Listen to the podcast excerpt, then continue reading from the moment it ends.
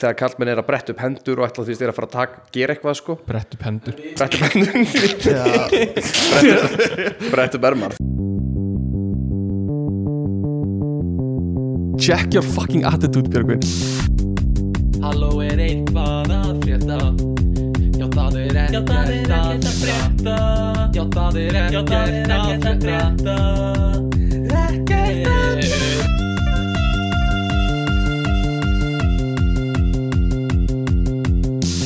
Vá, sjá þessa skyrtu. Hann er flott. Hvað fjagst þessa skyrtu stráku? Hvaðan kemur þessi skyrta stráku? Velkonir í vestunina strákar. Finnst ykkur þessi skýrta svolítið flott? Vá, hvaðan kaupir maður svona bussu eins og þú ert í stráku? Þessar eru bara hérna upp á veggirna hæra megin. Ég vil sokka Vá, má ég og bróðið mín fá sokka bara ekki máli strákar minn það er samt svolítið erfitt að máta Sokka bussu. Já, við erum bara með buksur og sokka. Sokka bussu.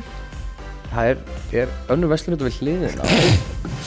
Sem gæti mögulega verið með sokkabuksur Við varum að sleppa úr fangelsi. Já, Í fangelsinu er alltaf sokkabuss Æjæjæj, ég veit ekki alveg. Eru þið kannski vistmenn og klepp og eigin engan Nei, pening? nei, nei, nei, nei, ekkert svona Ekkert svona, enga, enga hérna Ekkert rugl um, eins og við segjum alltaf. En velkomin, vel, velkomin í uh, þátt 123 eins og, eins og ég kýsa kalla hann. Þáttur 123 mm, Og það er ekki fyrir en eftir hvað, 1000 uh, og einn þátt sem við getum haldið áfram með þess að talna runni Er það ekki? mm, Er ég að fokkast það? 1, 2, 3, 4 nei, nei, það er meira það ekki. Já, það er aðeins Jú, meira. það er 1100 Já. um, En gæti náttúrulega tekið 4, 5, 6 Já, kannski sem beint framhald á þessum Já, sem væri svona sequel fyrir þannig þátt. Uh, En uh, við ætlum að ræða við okkur um föt 2 Föt uh, 2, já, 2 Return of the Skirta um, Og við ætlum að ræða, ræða föt í dag En ég veit ekki, ég hugsaði að verði samt bara svona kannski 30-40% af þættinum sem við endum á því að setja í það. Að við erum með mér langaði, þú veist það er sumar og það er gleð og það er gumar og gaman er í dag og, og hérna, mér langaði að prófa alls konar nýtt og til dæmis langaði mig að prófa svona leiki einhver svona leiki og eitthvað. Uh, þannig ég, ég tek það örgulega eftir líka. Uh, en í gegnum þáttinn núna þá fekk ég vinn minn Sindra Kamban til að til að senda hverjum okkar ég þekki Sindra úr improvni og þetta er svona má eiginlega færa rauk fyrir þetta sé smá svona improv uh, inspired. Uh, en í, já, ég baði um að senda hverjum okkar svona mission sem við erum með út þáttinn uh, sem hérna, við þurfum að reyna að gera. Og þetta getur verið eitthvað eins og þú veist uh, uh, þú veist uh, veist, reynda að tala eins mikið um Bubba Mort eins og þú getur eða eitthvað svoleiðis. Eða hérna mm. leiðréttu allar málfræðivillur sem bara Tómas gerir eða eitthvað svona og það er engin vill að búðuna til eða eitthvað svona, við vitum ekki hvað hinnir eru með en við vitum hvað við erum með og hvað sindri senda okkur. Og mér langaði núna að byggja ykkur um að þú veist, við, að segja hlustendum hvað þeir eru með en við hinnir sem eru með í þættinum vitum það ekki. Þannig að bara hlustendur og sá sem er með Secret Mission veita. Þannig að uh, spurning hvort að ég og Bjöggi byrjum að því að fara fram og Tómas segir bara í mikrofónum svo klippi ég aðeins til. Þannig að núna er Tómas að segja hlustendum hvað Secret Mission hann er með. Ok, þannig að við, við Bjöggi komum svo eftir smá. Já, ég kæra lustundur, þá er, er hurðinni lokað og hérna, mitt mission er sem sagt að tala eins mikið ég get um að koma því að að, að Kanye West og, og Pretty Boy Choco a.k.a. Patrik Atlasson séu, nei, eru hérna já, koma, því, koma þeim aðinn í þáttinu og helst koma því að að Pretty Boy Choco sé svona íslenski Kanye West. Þannig sjáum hvort það gengur upp. Þið með koma. Nú ætlum við að hlusta á Stefán segja sitt prompt fyrir þáttinn. Ok, og Sindri senda á mig að ég ætti að reyna að tengja þetta umræðu efni sem við erum að tala um í dag eins mikið við uh, gamla þætti og umræðefni í gömlum þáttum og ég get. Þannig ég var alltaf að vera að reffa í gamla þætti og hérna tengja við við það eins mikið og hægt er. Og nú ætla Björki að koma og segja okkur hvað hann fekk Mitt secret mission fyrir mig fyrir mig Björgvin var að uh, ég átti að reyna að nefna eins margar fatahefðir frá eins mörgum mismöndu löndum og ég get í gegnum þáttinn. Um, bara svona bæði staðrendir og, og einhverjum pælingar. Uh, sjáum til hvernig það gengur. Ok, þannig að við erum kominir aftur og núna í gegnum þáttin ætlum við allir að reyna að fylgja þessum reglum og koma og ná fram leini misjónun okkar uh, ég veit ekki ég hugsa að við reynum að giska sko annarkvort í lokin eða bara jafnóðum uh, og hérna Það er svo leiðilegt að koma í gísk samt jafn og um snemma og maður er bara já, það er rétt Já, en frekar- samt þá verður bara að vera laumulegur sko. Já, kannski. En það er samt kannski ef, ef maður heldur um að viti Já. að svona kannski leifa því aðeins að matla aðeins aðeins að lengur. Já, ekki vera ómikið að skjóta. Um, En allavega uh, Þannig að þetta verður í gangi út þáttinn og uh, reynum að hafa bara gaman af þessu. Og svo í seinni hluta þáttar ætla ég að prófa alls konar leiki og, og við ætlum að reyna að hafa bara ógæslega gaman og hlæja. Uh, en fyrst þá ætla ég að byggja ykkur um að segja mér frá einhverju rosalega sorglu momenti í ykkar lífi. Mm. bara núna? Já, nei ekki gera það. Uh, uh, Sko, hvað, hvað er fyrir þetta? Ekkert. Ekkert. Ekki neitt, nákvæmlega. Ánæði með ykkur. Uh, Velkomin í þáttinn kæru hlustendur. Nú getum við byrjað að alvöru. Um, En uh, samt í alvörunni Vil ég segja mér eitthvað? Tómas, uh, sem er almennt séð námsmaður sem býr í Hollandi er komin á klakan Yes. Af einhverjum ástæðum. Af hverju ertu komin heim? Því mér vantar pening. Já, fara að vinna. Vinna. Vinna? Vinni pening svo ég geti nota peningin úti. Einmitt. Nýta Það er mér verðbólgun og fá for- flott laun. Það sem að Íslandinga gera. Já. Vinna. Á sömrin engin annar gerir það. Nei, þetta er alveg bila sko að fá ekki Ég hef ekki ennþá fengið alvöru sumafrí sko. Uh, það eru, það nokkuð minna. sumastarfsmenn á Eplu sem Já. eru bara, þú veist, þeir eru bara einn og hálfa mánuð.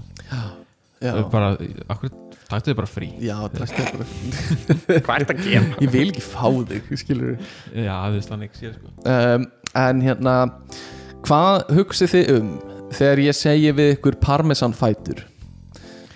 ég veit hvað þú ert að tala um. Ég ætla að lega Tómas að Ég ætla að skjóta á einhvers konar fætur sem að hægt er að rispa með rifjárni og búa til svona fótsig.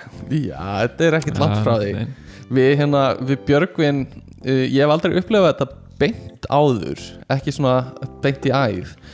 En við vorum að labba inn í styrtuklegan eftir sund um daginn Og það var bara einhver Going fucking ham Á ylinn á sér Með einhverju svona Já, rifjárni í sturtunni í bara sturtunni fyrir framar alla bara næstu því svona, svona hókin yfir ylinn á sér og var bara svona eitthvað svona og maður var bara næstu kom með bara spagetti diskinn og segði bara you say when sko.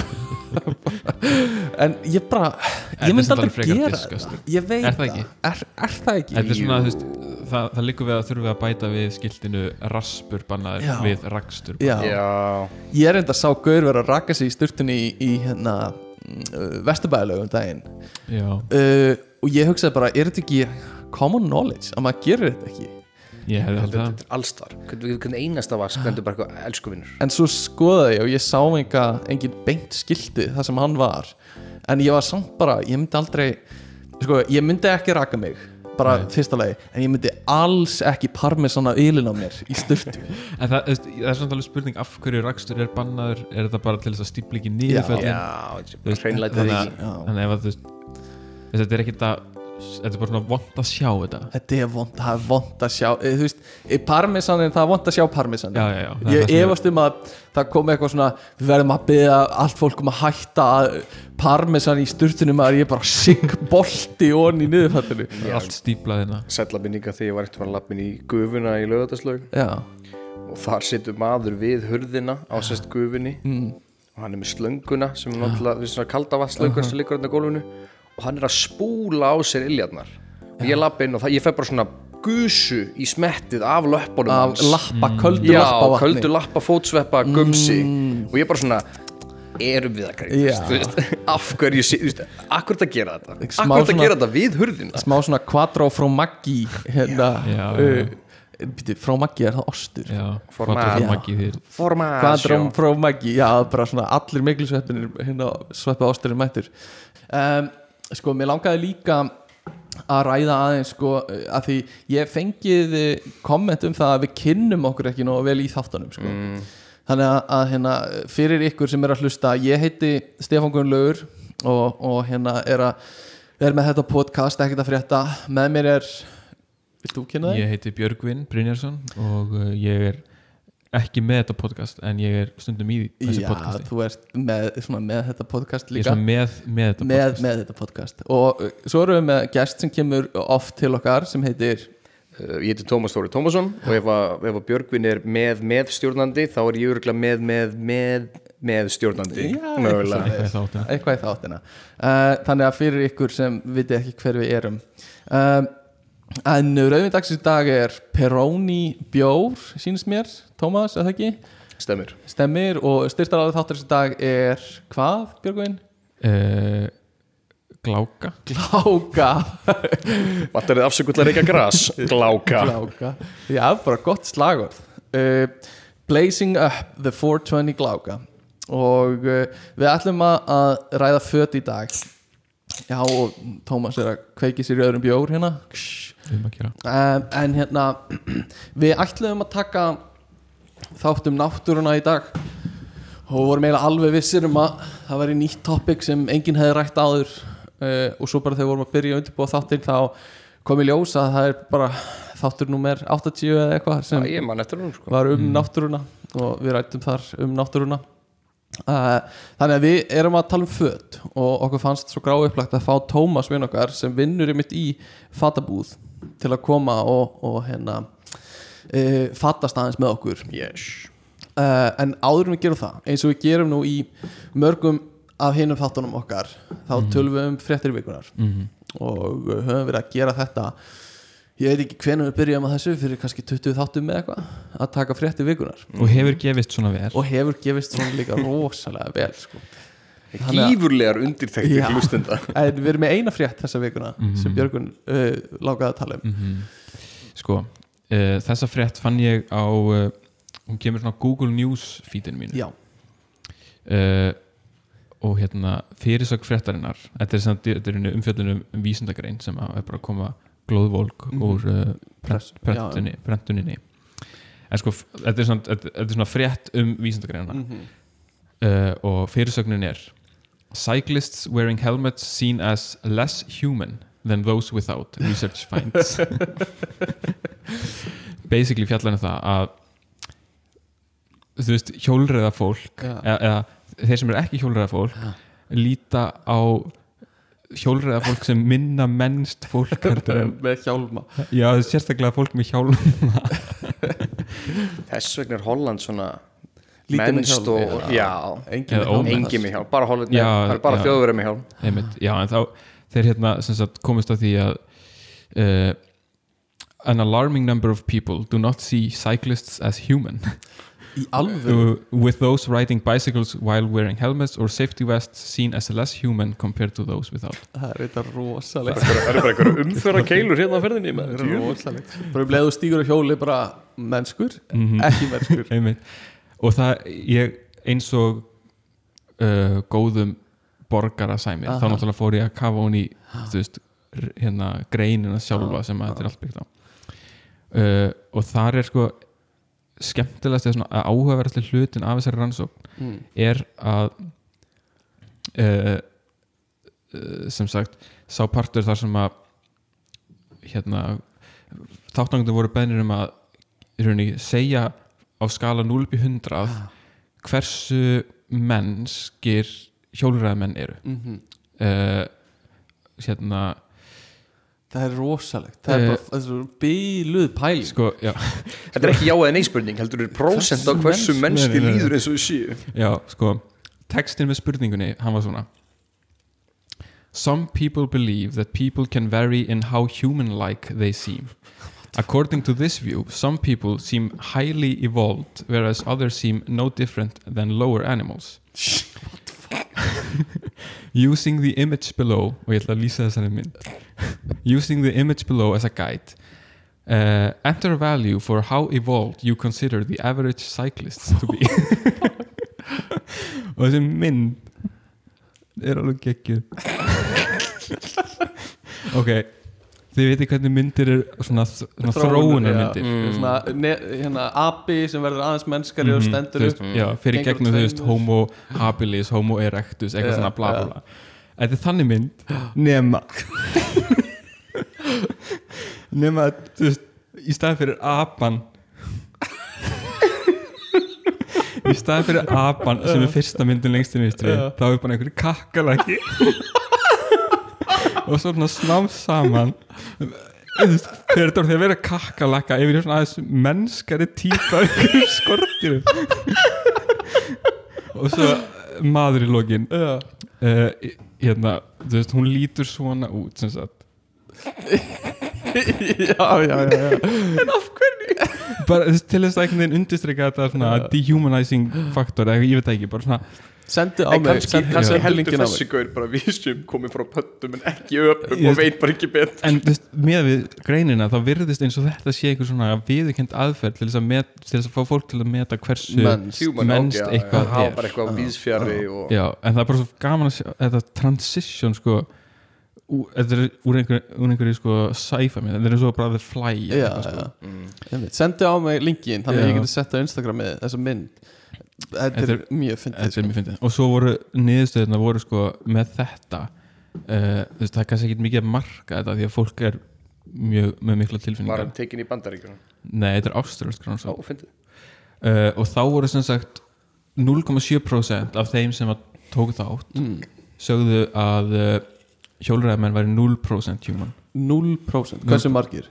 0,7% 0,7% af einhverjum 500 eða það er 400 rosalegt uh, þú veist, 70% segja að hjólræðamenn séu 100% human. Já, já. en það er samt með 30% 30% af fólki sem segja þessi aðeins minna en human. En líka bara þessi 0,7% það þýðir alveg svona fjórar, fimm manneskjur af þessum 500 sem eru bara þetta er bara eitthvað allt annað en maður. Já. þetta er bara eitthvað grín. Einmitt, vantalega einhverju bara svona Einhver, einhverju tilfinningar á bakvið það. einhvern bara ég hata hjólræða en samt bara svo Jólöðu fólk fyrir mér, þetta er bara pöttur já, þetta er bíllífstill þetta er bara pöttur bara ég myndi freka vilja fá kakkalakka. Ég myndi freka tala við kakkalakka bara, heldur en- Hjólana fólk já, ég skil það alveg þetta er náttúrulega sorp mannkins Já, já, hjólreiðafólk nei, hérna en uh, já, sko talandi um uh, sk- þá, já, vorum við með ætluðum við að gera náttúrufræði og eins og ég segi, þá höfum við gert það áður og rættum alls konar þar um, en mér langaði að spyrja ykkur bara að þetta var svona fyrsta sem er datt í hug þegar ég var að byrja að, að skipulegja þann Má ég skjóti inn einni bara spurningu um eina frétt sem var í vikunni Já. af því mér langar að fá okkar skoðan á henni Ok. Hvað fannst ykkur um fréttina sem byrtist um uh, ekki Kanye West heldur sem sumi kalla hinn íslenska Kanye West Pretty Boy Choco Ok. og bláa bílinn hans Ég- það var bara frétt um, hann, hann á okkur bláan Porsche Mhm. Og fréttin var svolítið bara Pretty Boy Choco á bláan Porsche já, já, og ég var bara svona ok, já, ég meni þetta Er það, það er bara allt með hennar Pretty Boy Choco er bara eitthvað svona. Þetta er allt bara eitthvað svona auglýsingamennska og bara byggja upp þetta er fræga bara brand, veist. Hann er bara búið til brand. ég, þetta, þetta, þú veist, Þetta er er, er, er fólk að borga vísi til að búa til þessa frétt? Við er erum einhver að vísi bara þetta er allt í lagi fyrir smelli þessi gæi náttúrulega er veist, uh, einhver erfingi veist, hérna er KFC af- og- afabarn Helga í góðu. já, Þetta að segja erfingi KFC hann er, hann er, hann er barnabarn Colonel Sanders. Já, erfingi er Pretty Boy Choco Sanders Pretty Boy Sanders. Það er aðeins svona hérna uh, Já, með aðeins meiri ístru þú veist, kannski. það, það snýst, það, já, það, það er bara allt með hann gæja snýst bara um að búa til eitthvað Já. Þú veist, og, að, Já. og listin hans líka eða list. Þetta er nú ekki list. Þetta er nú ekki mikið ekki list. hættu þessu, enga svona fordóma. Þetta er bara, heyrðu, hann er tónlistamæður þetta er ekki fordómar, ég hef heyrt eitt lag Já, með honum. Já ég bara frétti ekki- bara hvernig þetta fór með hérna fór á fór á hérna va- valsleiknum hann Valur Tindastóll í körunni hvað var það? það var bara hann var með sjó Já, og annað en, annað en Kanye West. Þá var hann bara að drull upp og fyrst upp á bak. Ég frétti bara frá mörgu fólki bara sáuð þið hann í gær? Þetta var alveg þannig, fólk var bara 15 mínútur bara í hallum háleiknum fólk var bara, Gatan, gatan bara ekki sungið eða, hann er bara engin söngvari. Nei, hann er bara, víst, hann er flottur upp í stúdíu og það er búið, og svo búið búið að að Spotify þetta alveg upp og spila sko, og hann er fyrir alveg, fínn í svona partíu já, ég veit að það er alveg að leia hann og borgur um pening fyrir að mæta og vera, víst, gauli í einhvern fón og meðan tónlistin það há að heyrir enginn hver í gangi sko. en ég held að sé ekki að fara að mæta á völl með 500-600 manns og taka eitthvað live gig sko. kannski áhugavert sko. En já, já, við, nei, það er líka alltaf leið það er alltaf leið að segja það. Það má segja það. Það, það, það má segja segja það. Uh, en uh, já, hann er bara að gera sitt besta en þú veist, hann er með markastild fyrir aftan sig sem Já. er bara að gera þetta. Bara mask, það er einhver maskin á baka já, já, og nóga peningum þú veist. Ég býstu því sko. Já. ég býstu því, ég veit ekki hvort að þetta er hans hann hafi verið að prótsaður eða hvort að hann þetta var draumur í honum að verða eitthvað svona frægur. En kannski skiptir einhver máli hvort það er sko Uh, en já, uh, mér langar að, að spurja, þetta var svona eins og í síðasta þætti sem ég og Björki tókum þá var ég með svona uh, hérna svona intro úr öðru topiki sem við komist ekki í og svo endur við á að taka annað topik vákallar illa útskiptja mér. En, en þú veist, ég byrjaði að undirbúa einn þátt, fatta að ég var búin að gera sama topik þannig að ég átti inni svona efni svona leftover. Mhm. uh, og það var bara ein spurning núna hvaða litur, strákar er náttúrufræði mappan í grunnskóla? sagt tegjumappan sem Já. við setjum náttúrulega dótið í Já, já. hvaða litur er það? Úf. það er ein, eitt rétt svar uh, blá nei, græn, já, græn græn, er já, græn. veist, já mér, mér leiði eins og þú veist grænt hefði verið svona svarið sem þú varst að leita Já. en ekki nógu gott nei, nei, nei, það er grænt uh, starffræði er rauð, enska er blá íslenska gul. Þetta, já, þetta er bara já, svona ég held að þetta vera, er já, já. svona starffræði gæti alveg verið gul. Nei, starffræði er rauð líka fyndið samt að velja eina litin veist, eina litin af fjóru grunnlutunum fyrir að græna sem er ekki í fánanum, íslenska fánanum það er bara gulur. Vá. Já, einmitt. Já, hvernig hefði verið að fá einhverja skemmtilega liti? Þú Mm, veist, eins og- fjólbláan það var nú alveg til. længrætt, Já. Það var alveg til bleikur, appisinu gulur er danska samfélagsveið innrauður. Ert þú að segja það sem, ert þú bara að segja hvernig þínar möppur voru? X-ray er uh, Nei, ég er bara að segja það sem þetta er. Mm. Það er ekki bara Kennar í bara, landinu. Já, kennar þetta bara, ert þú að setja starffræðin í gulum möppur? já, já nei, Þetta var ákveð, það að kom, það kom ný námskrá 2011 Já, aðalnámskrá. Ja, ný aðalnámskrá Já. 2011 og þar var þetta ákveðið. Svarta hvíti, sko. Og þá voru við náttúrulega grunnskóla. En ég lagði línunar þar, sko En það væri gaman að heyra hvað sko, hlustendur Hvort að þeir séu ekki úruglega sammála því sem rétt er, sko Um að, að hérna Hendi er bara, í- spurningu á story. Já, ég geti færð prósendu Hvað hvað litur er, er náttúrufræði mappan, sko? Hversu uh, á, á skalum 0 til 100 Mhm. frá kakkalæpi mann er fólk sem er með bláar náttúrufæmöpur uh, þeir eru alveg svona, tí, svona 10%, 10 mennsk Já. og aðalega alveg kakkalakar kakkalæpi eða þú veist þau skilja líka bara ekki heiminn sko, eins og Nei. kakkalakar um, en já, hérna við ætlum að tala um föt og við höfum gert í þáttum áður uh, að hérna uh, tala um tísku. Og þá tölum við tí- að það þáttur 11 eða eitthvað svo leiðis þá var Gummi og Akki hérna með mér að, að ræða tísku og uh, þetta verður sannlega svipað og það umræðefni að einhverju leiti en uh, bara betra og þróaðara en það Já, vantalega eins þrengra eða ekki? Þá, ég myndi alveg segja að þá höfum við verið svolítið kakkalakar strákanir með þáttinn, sko, podcastið. Nú erum við að verða mennskir sko. uh, þannig að, að mín bara svona fyrsta opnun á topic spurning fyrir ykkur er bara hvað eru föt? Nei, ég ætla ekki að spyrja hvað er föt. Föt eru svona stór ílát já, sem þú, getur sett vatn já, í já, ég hugsaði þetta alltaf. veist mat. já, já, ég hugsaði þetta alltaf. Í hvað, föt, í hvað fötum ertu? Mhm. og ég hugsa alltaf, hann gengur í fötum.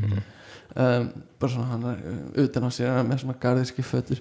Uh, allavega nei, hérna Nei, ég er að tala um föt. Æ, Björg, nei, hættum, hættum að tala um þetta, þetta er ekki skemmtilegt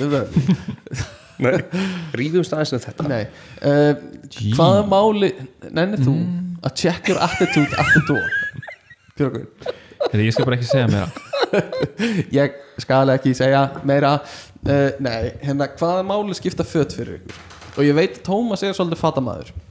Já, ég er gaman að fötum. Þú er gaman að fötum og segir oft við mig Já, ég greip nú bara með mér eitt ból og, og buksur úr vinnunni í dag og hérna eitthvað svona. Já, já, um, En hérna svona hvað, hvað í ykkur huga, hvað, hvað eru föt? Eða þú veist, hvaða máli skipta föt fyrir ykkur? Þau eru náttúrulega bara mjög góð til þess að hilja líkamann. Er þetta fyrst og fremst fyrir þig til að halda þér hýta og hylja gerfustunar og tippi? uh, Já, í grunninn. Í grunninn er nokkuð spot on. Uh, Nei, í, í setni tíu þá hef ég svona Svona tjáðu þig aðeins meiri gegnum fötin. Mm, Já, kannski Ég myndi alveg segja það síðustu bara síðustu árið kannski, meira og meira. Já, ég held að uh, Þú veist Já, ég myndi segja ég hafi svona me meiri áhuga á, á bæði í hverju ég er og Í hverju aðrir eru. Vá. eða svona, veist. Ok, ok, ok, ok, Reitaðum minn fattastíl Nei, Eh, gerið það báðir, reitið það saman. Reitið Frá- minn fattastíl 0 upp í 100, það sem 0 er kakalegt. Já, frá kakalak upp í mannesku uh, Ok, gefa einhvern bara. Já, þið meira þetta ykkur á milli. Mm. innbyrðis Svolítið Svolítið svona Þú veist, þegar þú ert fín eða þú veist, þegar þú ert að reyna að vera fín uh, þá bara tekst allt mjög vel. Já, fín já. Já. Uh, en þú veist þegar, þegar þú ert meira casual þá myndi ég segja að þú sért ekki endilega að reyna neitt Nei, nei, nei, verið bara væðarlausir Segja sko bara ég myndi, náttúrulega- ég myndi segja ég hef alveg trú á því þú værir í örugla í öllitið meira tjáningarlegum tjáningarlegum fötum. Já, Er það, já, já, tjáningar- getur við rúla með það?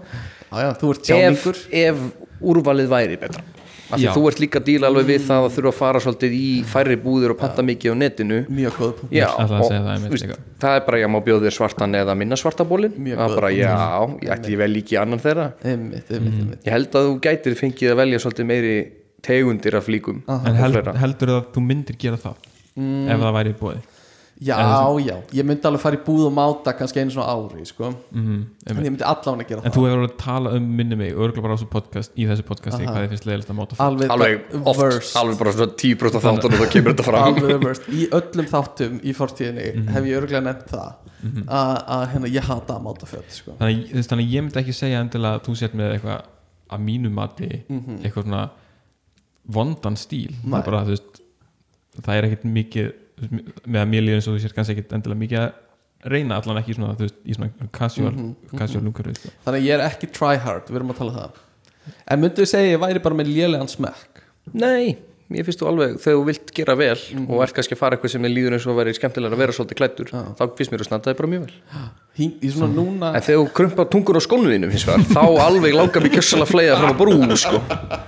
Það er alveg svona method, sko það, er það, það, það er bara akkurat það sem ég er að segja veist, það er, En það er líka sko ég, þarf eiginlega að ganga í að ég er bara svo þungur sko.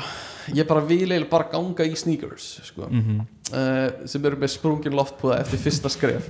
Bara fyrsta skref út af búðinni puff, er farið. Einmitt. uh, en hérna já, við, við höfum nú talað um þetta í þáttum áður sko að hérna uh, þú veist í, í þú veist tísku þættinum höfum við rætt þetta og í, í fleiri þáttum hvað svona uh, hvað stíl við erum með sko. og hérna mm, ert þú með ákveðin stíl fyrir þér? Um, mm, þú veist ekki endilega þú veist það er alveg eins og við tölum um það veist að ég hef alveg breytt mörgum hlutum. þú veist ég hef alveg svona farið frá því að vera meira ég veit ekki hvað að segja konservativ í klæðinaði þú veist bara svona svolítið eins og fylgja strömmnum sem að er þú veist í verkfræðildinni þú veist basically. Í MR uh, sé ég þið átt fyrir mér í svona brúnum buksum ég var stundum í brúnum buksum ég átti einar brúnar buksum nei, nei, nei, nei, nei. leið mér að klára. Check your fucking attitude Björgvin. En hérna brúnubuxum og ból úr svona dogma sem er, þú veist, með einhverju skrifað á. Brown is the color of poo og svo mynda hérna fyrir þetta fórstræðara bandar, nei hérna Breitlands Já, eða eitthvað svona uh, býrd eða eitthvað svona skegg. já, þú veist, núna ertu bara nú ertu bara, að ta- þú ert bara, þú ert bara að telja upp ákveðnar flíkur sem ég átti já, sem ég vissulega var í stundum. Já, já. og, en ég get, eh, þú veist, ok minn stíl í MR var ekkert upp á marga fiska held ég. Nei. hann var bara, þú veist ég var ekkert að pæla í því, basically. Ég var ekkert að pæla í því hvaða flíkur pössuðu vel saman eða eitthvað Og var þetta að kefta mömmu? stundum, já, örgulega eða þú veist, ekki, já, eða þú veist eða Því mamma var alveg í að kaupa mig sko. Ekki þannig að hún hafi farið og komið heim með eitthvað Björgvin, ég er með nýjan ból fyrir þig og dogma. Mamma er þannig. En Björki minn fór í dogma. Þessi er svolítið sniðugur. Yey mamma, mín bólur FBI Björgvin, female body inspector það er svolítið þú Það er svolítið skemmtileg þannig að já. það er ekki hérna, nei. Uh, en já, svo kannski svo man ég þegar ég var í að byrja í verkvæðin eða svona aðeins komin í verkvæðin þá svona, Skirta já, kannski skýrta og svona aðeins fítni buksur og, og kannski fór maður aðeins að pæla í hvað skómar var og eitthvað svona Mhm. Samt svolítið safe já, já, algjörlega, mjög safe og svona já, en svo núna þú veist, síðast árið kannski eftir að ég byrjaði í listaáskólanum og uh, eignaðist Umge- kæristu já. sem að þú veist er alveg pælir meira í þessu og er, þú veist, ég myndi segja að hún hafi alveg svona ítt mér í Já. að prófa eitthvað nýtt og, Já. og þú veist sem að mér bara mjög gaman og, og Ég Þannig- tek alveg undir það. Þú bara, það er svona nýr blær yfir þér sko, sem er mjög skemmtilegur skemmtilegur. Um, Fyrir mig er þetta snýst þetta fyrst og fremst um þægindi sko. mm, Ég bara get ekki uh, díla við meiri óþægindi í mínu lífi sko. þinn, það er svona þinn þjóðbúningur væri bara þú veist, Svarta gallabuxur. krumpaðir skór Já, já. krump, tu- tunga krumpuðum, sko. ég, eins og ég hef sagt áður í mörgum þáttum þá eru skóknir mínu núna tungan er sko er. Hún kemst eitthvað þú, fórst í búðina bara áttu skó þar sem tungan getur ekki og krumpast. Þau bara nei en við erum með saumastofu samning hérna. Og já ég kefti skó með fastri tungu. En mynd, ok, myndir ekki vilja bara einhver svona uh, einhver svona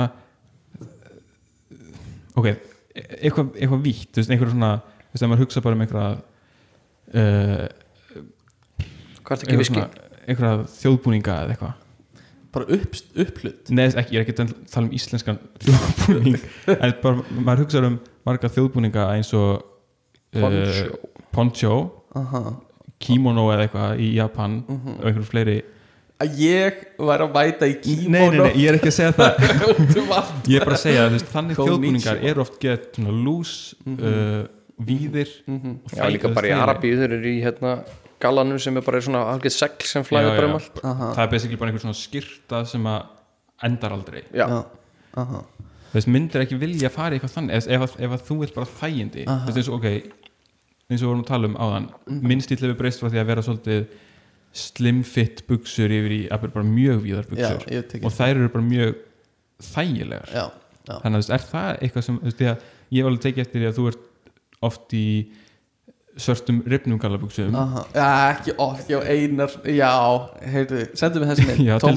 Er Ég er að sína, ég er að sína hérna, Homer Simpson í Moo ef Já. eitthvað fólk, eitthvað fólk mann eftir því. Mér líður þessu byrgu sé að reyna að tala þetta inn. Ég veit ekki alveg með það.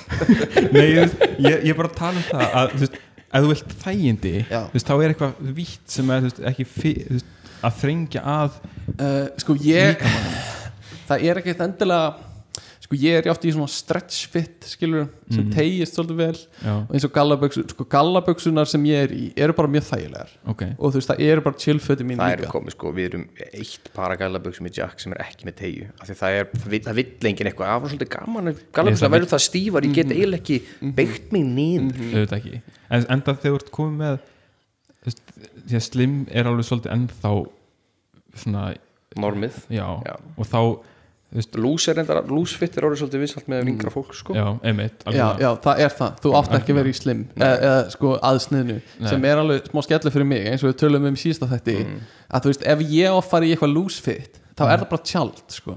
En þú veist, það þarf ekki til að vera það. Nú er, nú er ég svolítið að reyna að koma til ykkar hérna, hugmyndunum sem að hafa verið Mhm. hérna, imprintar í mig. En ég er líka með svolítið svona skrítin líkama eða líkamsgerð af því þú veist ég er ekki bara feitur heldur ég er líka massaður. Mm skilur ég er mjög víður um herðarnar og lærin Mhm. og rassin þannig að þú veist þó að mittið sé kannski stórt þá er það yfirleitt ekki samræmi við þú veist lærin mín -hmm. og, og kálfana og eitthvað svona. Af því ég bara með ber mikið af vöðum utan á mér líka. Sko, þannig að það er ekki bara hvernig svona fytanlegs yfir, þú veist það er líka brjóstkassin og, og upphandleginir og herðarnar. En það sem að þannig að þú veist, þú ert í raunin að segja ef ég skilir rétt að þú veist, efri líkamann að vera svolítið svona meiri um sig heldur en Já, líkaminn. er, lík- nei, ekki svona- endilega bara að þessi snið þó að þessi gerð fyrir plus size já, eru ekki endilega fyrir mig.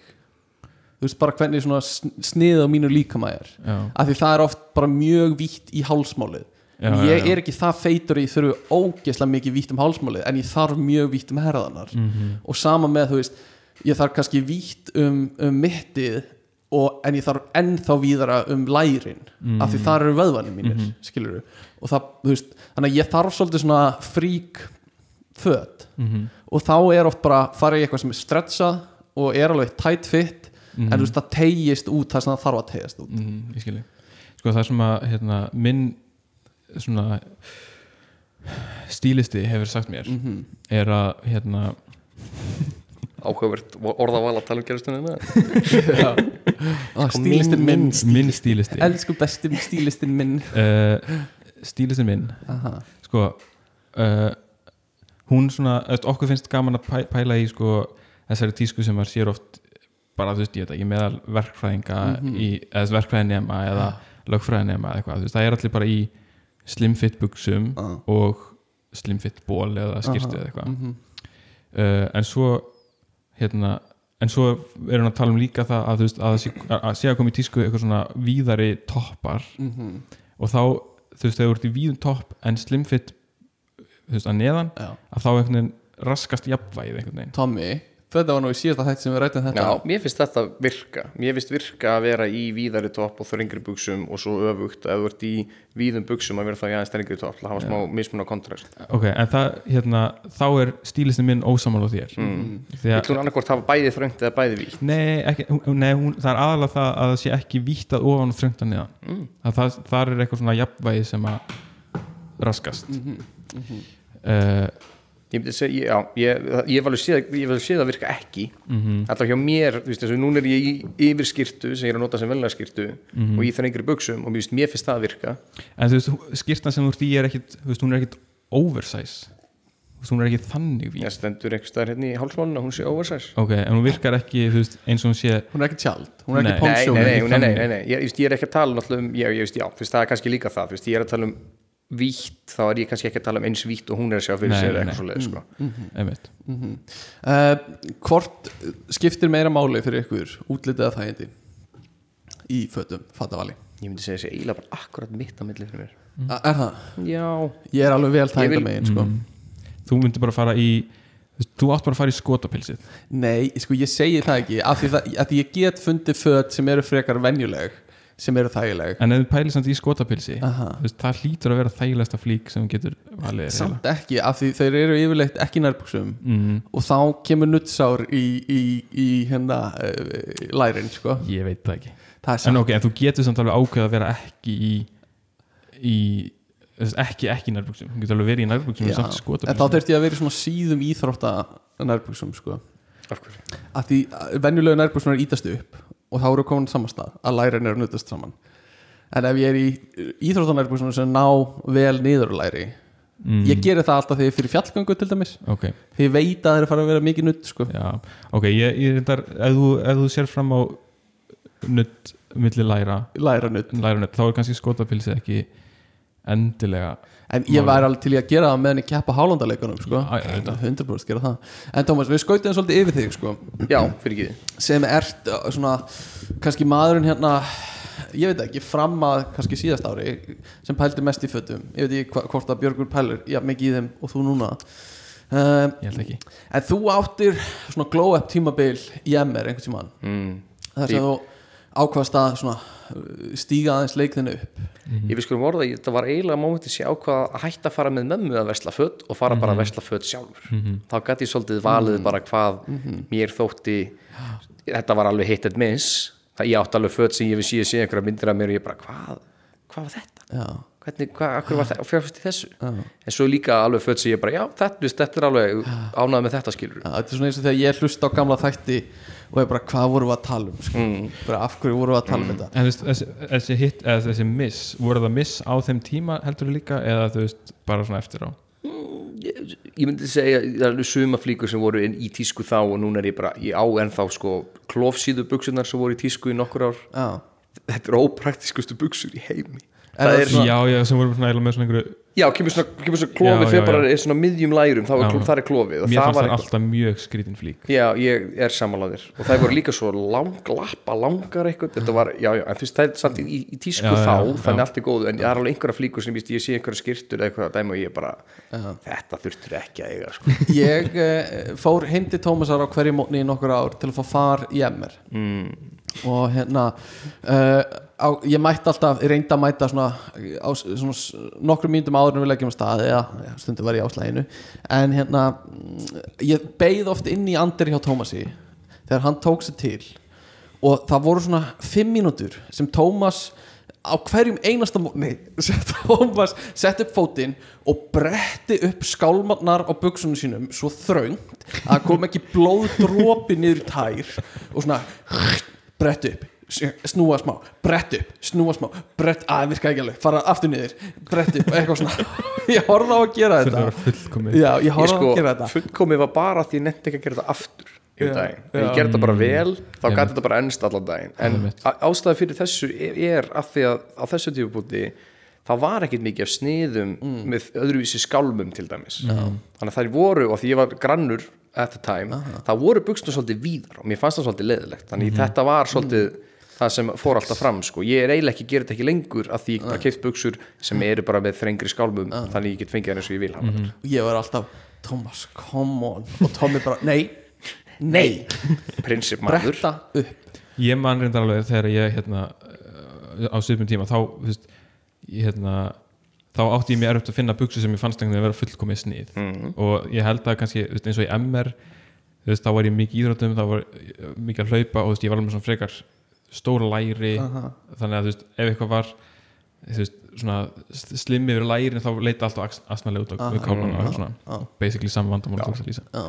þannig að ég, ég tengi alveg það en mér datt ald- aldrei eitthvað í huga að fara að bretta upp á það sko. þetta var eitthvað sem ég, þú veist, þetta var ekki mín eigin spontan hugmynd sko. Þetta er þetta, eitthvað. þetta var eitthvað í tísku sko. þetta var alveg voru Já, alveg, já, já, það var eftir að sokkarnir fóru úr því að vera að fara yfir buksurnar þá duttu þeir niður og buksurnar fóru upp í staðin sko. það var eitthvað svona prósess sko. en núna ertu, hvernig myndir þú lýsa stíluðinu núna? ég myndi segja það er góð pæling. Ég, ég, ég myndi, High class Victorian era. Nei, alls ekki. En ég myndi segja að ég sé kannski með öllítið öllítið meira fínn en casual. Ég á svona, það er svona bólir sem ég vel sem ég get notað fínt en notað líka casual, þú veist, eitthvað svona pólóbólir eða eitthvað svoleiðis. En og þú veist, ég er svona alveg, alveg ég er í svona, ég er myndi segja ég sé alveg í litum en ég er í svona jarðbundnum litum. Já, þannig er ég- ekki að æpa á fólk þú veist, ég er í gulri skirtu en hún er mjög en hún er mjög hún er mjög jarðbundin. Hún er rosalega svona safe gul skirta karríkul, mér finnst það mjög flott við þér Já, og hérna, en ég er samt klálega með einhvern smekk sem að, just, ég kannski á verður með að koma honum í orð en að því náttúrulega er ég búin að vera að vinna í fattaveslun lengi svona, svona Hvort til- eftir meiri Jack eða Jones? Ég var eins einhvern sem kom inn áðan og sagði að hún var alltaf að vesla við, við Jack og Jón sko. Jack og Jones, já. Komur ekki að spyrja, get ég fengið að tala við Jack? Nei, ég fikk hana svona Hérna Nei, ég er samt klálega sko að því að nota búðina oftast undir þessu bestseller kompani nálægt hvort öðru. Og oft, ég veit ekki hversu oft ég fekk einhver einstaklinga úr selected sem komu annarkvært þegar ég var að vinna eða svo þegar ég mætti vinnu í Jack þá kom einhver til mín og var bara er það komið svona baby. Og þá var það bara, og ég líti og ég bara þetta er tómaskirta, þetta er flík sem mér finnst flott og mér langar að kaupa. Og það var alveg bara svona, það var alveg tóma flíkur og tóma, þú veist, það var alveg og það er alveg ennþá í gangi, sko. Þannig ég er klála með einhvern svona þú hefur gaman að pæla í þessu já, mér finnst það gaman. Mér finnst alveg gaman að geta klætt mig þannig að mér, mér, mér finnst ég vera, vera smart. Sexy? Mér finnst það líka alveg hvernig, virka vel sko. hvernig klæður þið fyrir date? Eða hvernig, ok, þú eða bara einhver. Hvað er svona fyrsta date? Þú ert að dressa mig. Ég er að dressa þig fyrir deitt feitur, massaður uh, gaur. Hva, hvernig dressar þið mig? Sko, mér finnst þú date. mér finnst þú vera mjög góður í bara svona betri skýrtu, góðan Mhm. galaböksum og kannski ekki, ekki ég myndi kannski ég myndi það alltaf fyrir þig, þá væri gaman að þú ættir, ættir kannski bara svona plain hvítastreða sko sem væri minna praktiskir en aðeins meira svona, ég veit það. En þú veist það þyrfti að gera svona, það gæti bara verið þú veist eins og til dæmis Air Force Ones eru gífulega vinsæli núna. Þeir eru mjög þægilegir, ekki af þægilegir kannski og skotin sem þú ert akkur núna. En þeir eru ekki þeir eru ekki bara einhverju plankar sko. Nei, nei. Ég, á eina, ég á svona flata strega sko, og það er bara, þú veist, ef ég er í þeim lengi þá verð ég bara þreyttur í löpunum sko. e, e, e, sko og svo kannski eitthvað svona skemmtilegu betri jakki Já, yfir einmitt. og getur bara farið úr honum eða verið í honum eftir til Og svo tilkneskur fes já, já, bingo, slegið já, e, eins og þú veist við höfum talað um í þú veist eins og sjálfsarfa þættinu þá þarf maður að líta vel út og líða vel í sínu skinni mm. þú veist hvað myndið þú svona exaggerata við mig exaggerata í hvaða features í mínu útliti myndir reyna að dressa upp? Þú veist, ætti ég að vera með þú veist, gat y- yfir brjóstvöðuna? Ætti ég að þú veist að, að, að vera með svona glært cellofan hjá kváts lærveðunum mínum þannig að ég geti svona spett á ætti ég að vera með lambúsettu þannig að augun mín poppi svona út skilur hvað Mér þetta að vera svona sokkum sem undirstryka hásinina já, hún er svolítið góð. er ég myndi segja kannski að það eins og í bólnum svo ert í núna það væri mögulegt að bara taka eitt uppbrett á ból til þess að sjá bís og trís aðeins. Af því ég er með Það rosalega það er- það er hægt að trís gera það sko, það er hægt að gera það rámt ef þú ferð of langt þá ertu orðin algjör, algjör teipalingur já, En veist, nú, núna ertu náttúrulega að nálgast ok, þú ert í svörtum ból og að taka eitt uppbrett þá ertu komin í bara John Travolta í hérna Grís. grís Já, veist það fer alltaf eftir bólum sko. ég Já, alveg, já, ég á alveg bólir sem eru bara allt og síðir og þá bretti ég það upp. En ég vil líka passa með að setja það ekki of hátt þá finnst mér það vera og ég bretta katt vinnu mannabóli minn líka? Það fyrir líka eftir hvernig þú brettir hann sko. þú veist, ef þú tek, alltaf að taka einhverja 5 cm uppbrett þá, þá myndi ég segja nei. En það er það, líka fer, ég fer eftir sko. þú líka stundum, eins og segir, þú, mér finnst þú hneppa stundum hátt á skýrtum já, mér finnst Þú það gætir- veist, og, að- það er líka bara stíl sko. en þú veist, þú, þú það gæti alveg, gæti alveg á móti kemur henda þér að neppa kannski neður stundum finnst mér ga gaman að vera í skýrtum sem eru svona að því ég er svona þröng, aðeins strengri yfir hendunar og svona flexa svona aðeins í speglana sem ég labba fram hjá mm. og rífa Og- eitt saum í hvert og skipti. rífa alltaf í ég, hérna, já en svona já, þú veist, þú talar um uppneftar skiptur, það er svona Mm. Aðeins meira svona, svona relaxed að neppa frá mm. Já, einn sem, en þú veist en getur svona alveg vel virkað Mm. en svo hef ég heyrt ekki bara hneppa frá við, þetta var í einhverjum þætti sem við vorum að ræða þetta hvað, svona, hvað kveikir í fólki og þá er eitthvað sem kveikir í uh, manneskjum sem voru á Twitter eða eitthvað að segja frá hvað kveikir í þeim að hérna lín, svona, framhandlegs línan hjá kallmennum mm. þannig að þú brettir upp skýrtuna þá sést framhandlegs línan svolítið vel sko. og það er bara ekkert sem er heitara heldur en svona fram, góð framhandlegs lína Mm. ég, ég hef alveg, það er alveg, ég, ég sé þetta bara rætt ykkur þar í ykkurum erlendu spjallhætti þá var að ræða, að þegar kallmenn er að bretta upp hendur og ætla þú veist þeir að fara að taka, gera eitthvað sko, brett upp hendur. En við, við já, bretta upp ermar. Það er alveg vist eitthvað, það er eitthvað teik en sko. við rættum þetta í einhverjum þætti einu sinni sko. þannig að, að hérna má ég sjá þína línu Stefán uh, á höndunum já, Þú veist, það er bara eitthvað svona ég er svona aðeins að spenna uh, og, en svona það er nást ég veit ekki Er hvað við erum að gera sko.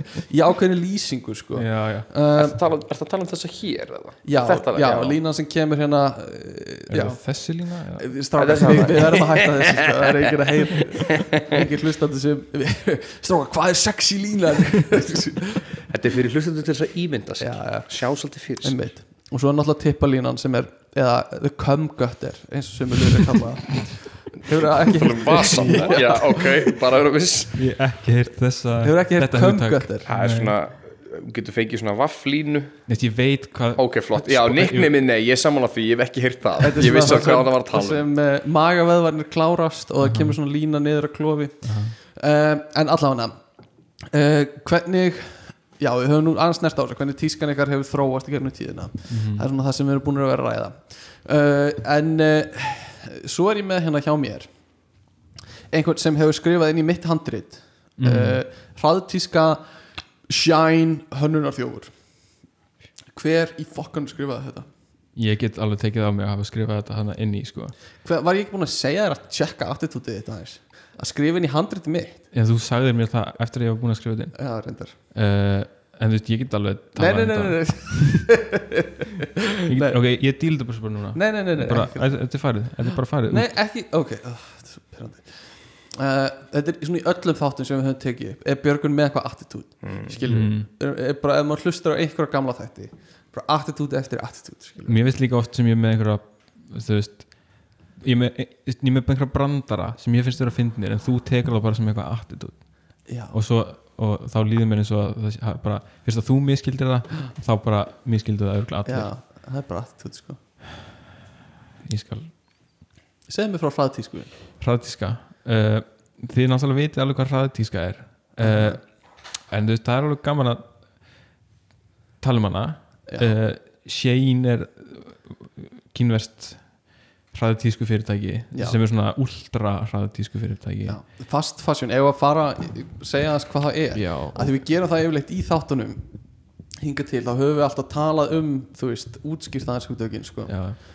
Ég er ekkert mikið fyrir það nei, en bara svona þannig að fólk viti hraðtíska, ok basically þegar að tískan breytist það rætt að eina leiðin til þess að halda í við hana er bara að kaupa meira og meira og meira, og meira. veist, þannig að einu sinni var kannski þú veist, það kom einhverjum ný tíska uh, einu sinni ári. Já, en svo fór að koma veist, sumar tíska og vetartíska já, já. Og svo sumar, haust, vor.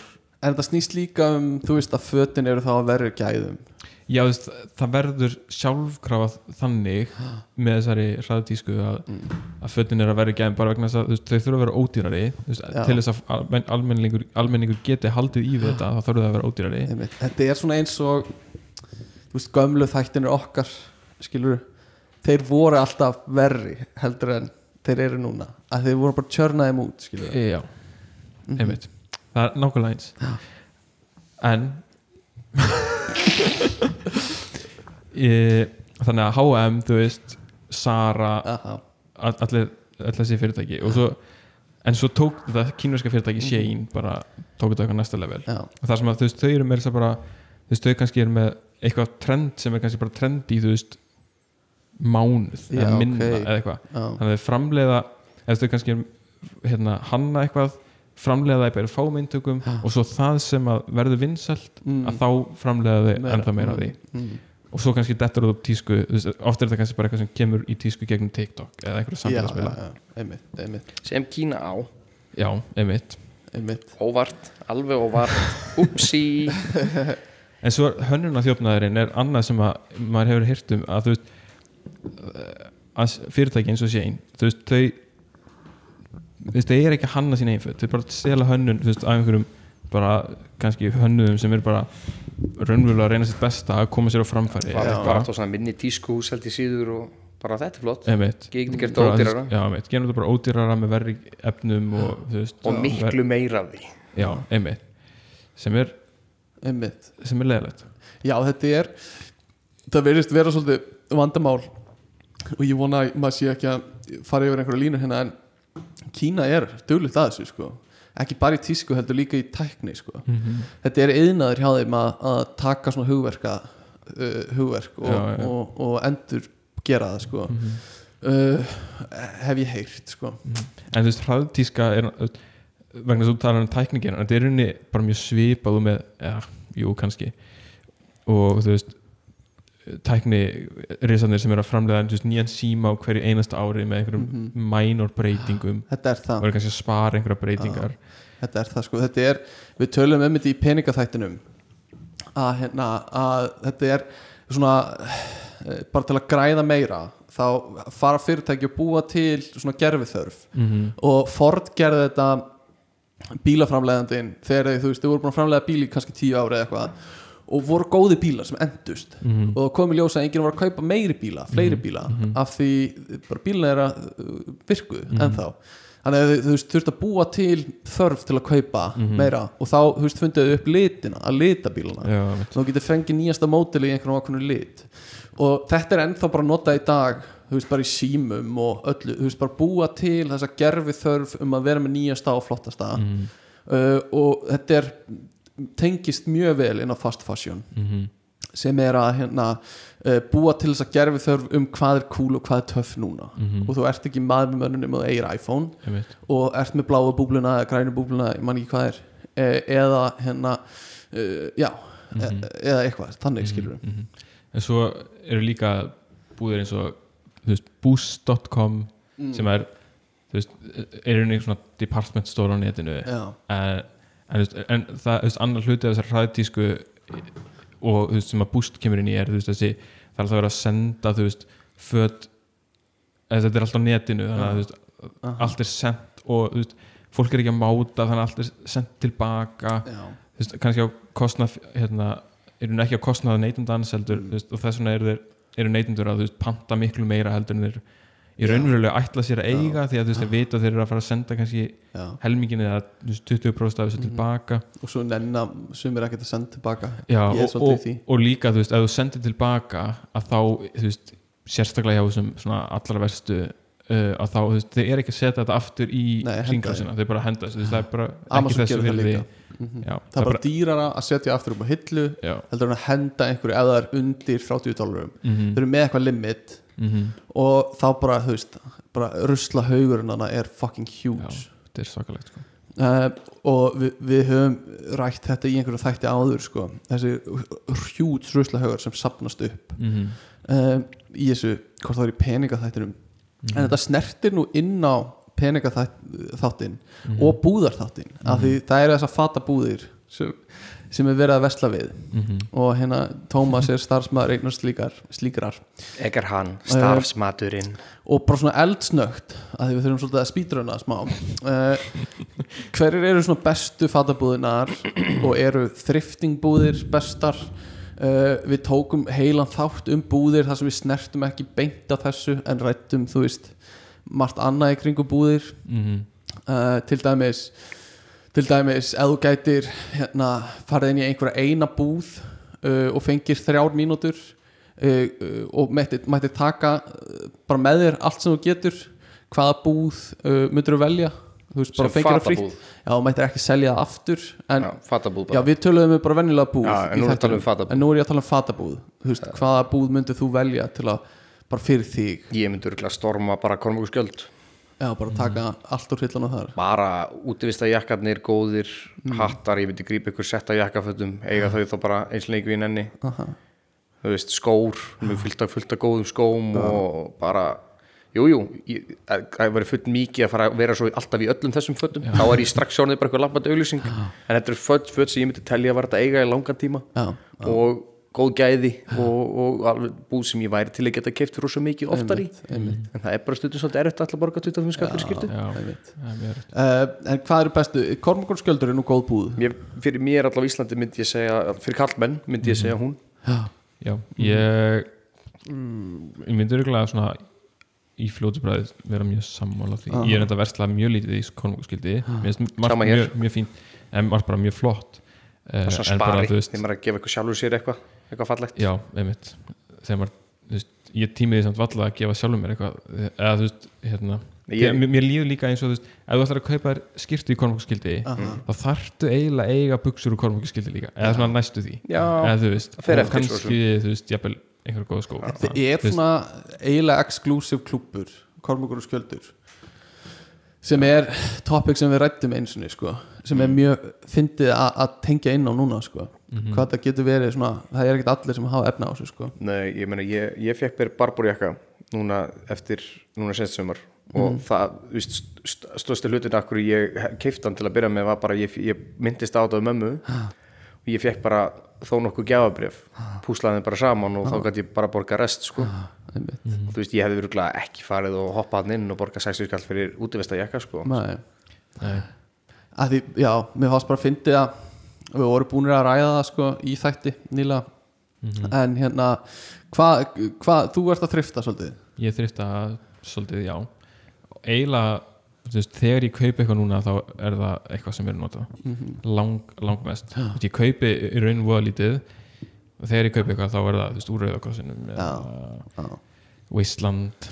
Svona, þú veist, það er kannski ekki jú, það er alveg thrifting en það er ekki svona þú veist, góðgerðar búð, þú veist, það er, en það er samt oft bara fínt úrval og skemmtilegt stótt þar. Ég, ég grip alveg, alveg inn á milli sko. Ég veist alveg gaman að fara það stundum er alveg fött í þriftbúðum sem þú myndir aldrei finna í verslun sko. já, já, en ertu, algjörlega. þú ert að fá alveg góðum díl á því?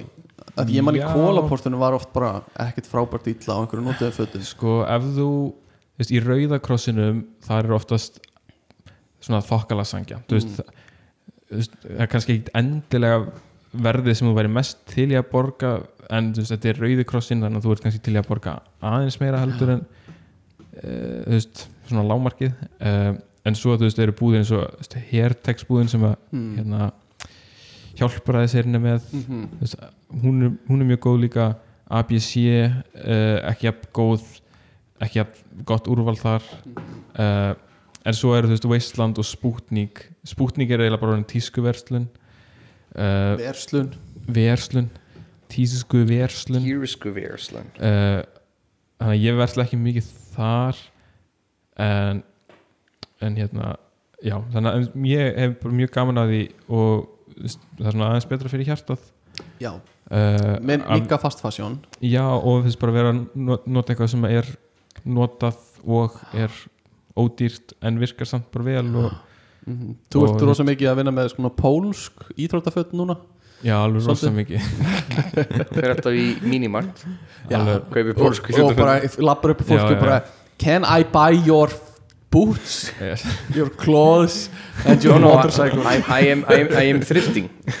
Can I have shoes? Yes. Nei, ég, ég fór í eina búð hann út í Hollandi, reyndar svona Veistland típa, hún heitir Vintage Island þetta er svolítið svona smá já, já, já, þetta er ekki alveg svona uppáhalds típan af þriftbúð sem maður fer í. Nei. þetta er svolítið svona, þeir eru með fullt af búðum og þetta er svona, þeir prísa sund svolítið hátt sko. en ég greið mér bara lífa skalajakka á, þú veist, 30 eurur og þú veist, hann þú veist, ég getur örugglega kveikt í honum og hann myndi vera betur útlítandi frekar en þetta bara, þetta skemmist ekki sko. við töluðum um sko ammæli og gjafir fyrir nokkur þáttum. Uh, og þá var ég að pæla svona hvað eru bestu gjafinnar og eitthvað svo leiðis uh, en uh, hvernig myndi ykkur líða að fá þú veist, vel nota flíkur úr hertex í gjöf, ammælisgjöf hvað er, her, já, það er eina af þessu búðum fyrir. Já, bara svona þrift, þriftuð föt.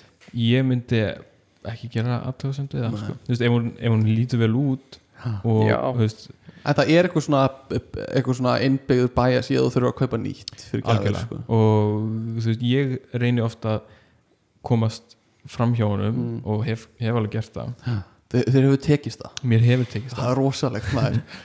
Nei, en maður hugsa samt, sérstaklega þegar maður er að gefa einhverju sem maður kannski þekkir ekkit rosalega vel eða, að þá er maður á svona, að ok, ég kaupi bara nýtt eða, þú veist, þó maður viti jafnvel um eitthvað eitthvað notað sem að mannskjum, þú veist að hún myndi fíla. Einmitt, einmitt. Kannski verðt að líka minna með þriftbúðnir að minnast á ekstra loppuna hún alltaf er Já, gífulega stórmarkaður. Algjörlega. Vissulega ég farið í gegn okkur sinnum þetta er svona 95% hvenna Já, já, fött og konum, já já og þú veist, ég er svona, 100%. þetta, þetta er ekki alveg í mínu stærðum en ef ég væri maður þarf að leita já, að- já, vel. og þrifting er líka svona, það er alveg það er einfaldur í Hollandi, af því að Hollandingar Mm. eru hávaksnari, það er aðeins breyðara úrval upp á hæð og lengd og fleira já.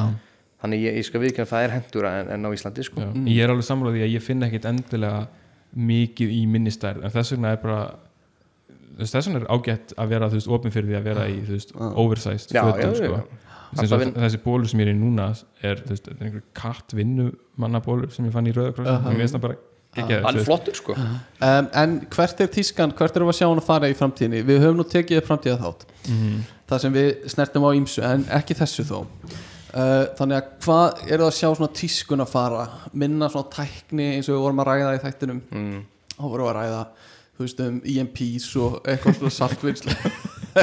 Sem ég finnst þetta og fötin sem breytast bara, þú ert bara einhverju svona júnigalla og svo bara ítir á, ég vil verið í þessum jakka og þá bara, Já, við rættum það Já, já, við það alveg. En ég verð að segja fyrir hlustendur þá er sá þáttur mjög góður sko. Já, ef ég ætti að mæla með það einhverjum var, það var, það var lof, fengum var- alveg lof með þann þátt. framtíða þátturinn skemmtilegur sko. Við kannski tökum svona aðeins meira grounded pælingar. Já, núna, einmitt. Já. uh, ég, ég, þú veist eitthvað svona svona framhald af þú veist mm, svona skyrta sem er ekki með uh, hvað heitir það uh, Kragi. kraganum Já, kínagræn já, svona kínakrægi einmitt Það er raun og veru gamalt sem varð aftur Já. nýtt sko þannig eitthvað svona meira þannig er það að sjá eitthvað svoleiðis eða er það að sjá, þú veist, fötin verði meira uniform hvað, hvað áttu við með uniform? svona minni fjölbreytileiki og einhvern veginn Ég, meiri ég trúi að því verði örgulega praktískari upp á það að við fáum vonandi betri eða sem þú veist að fötin endist lengur og það sé erfið að eðilegja þau.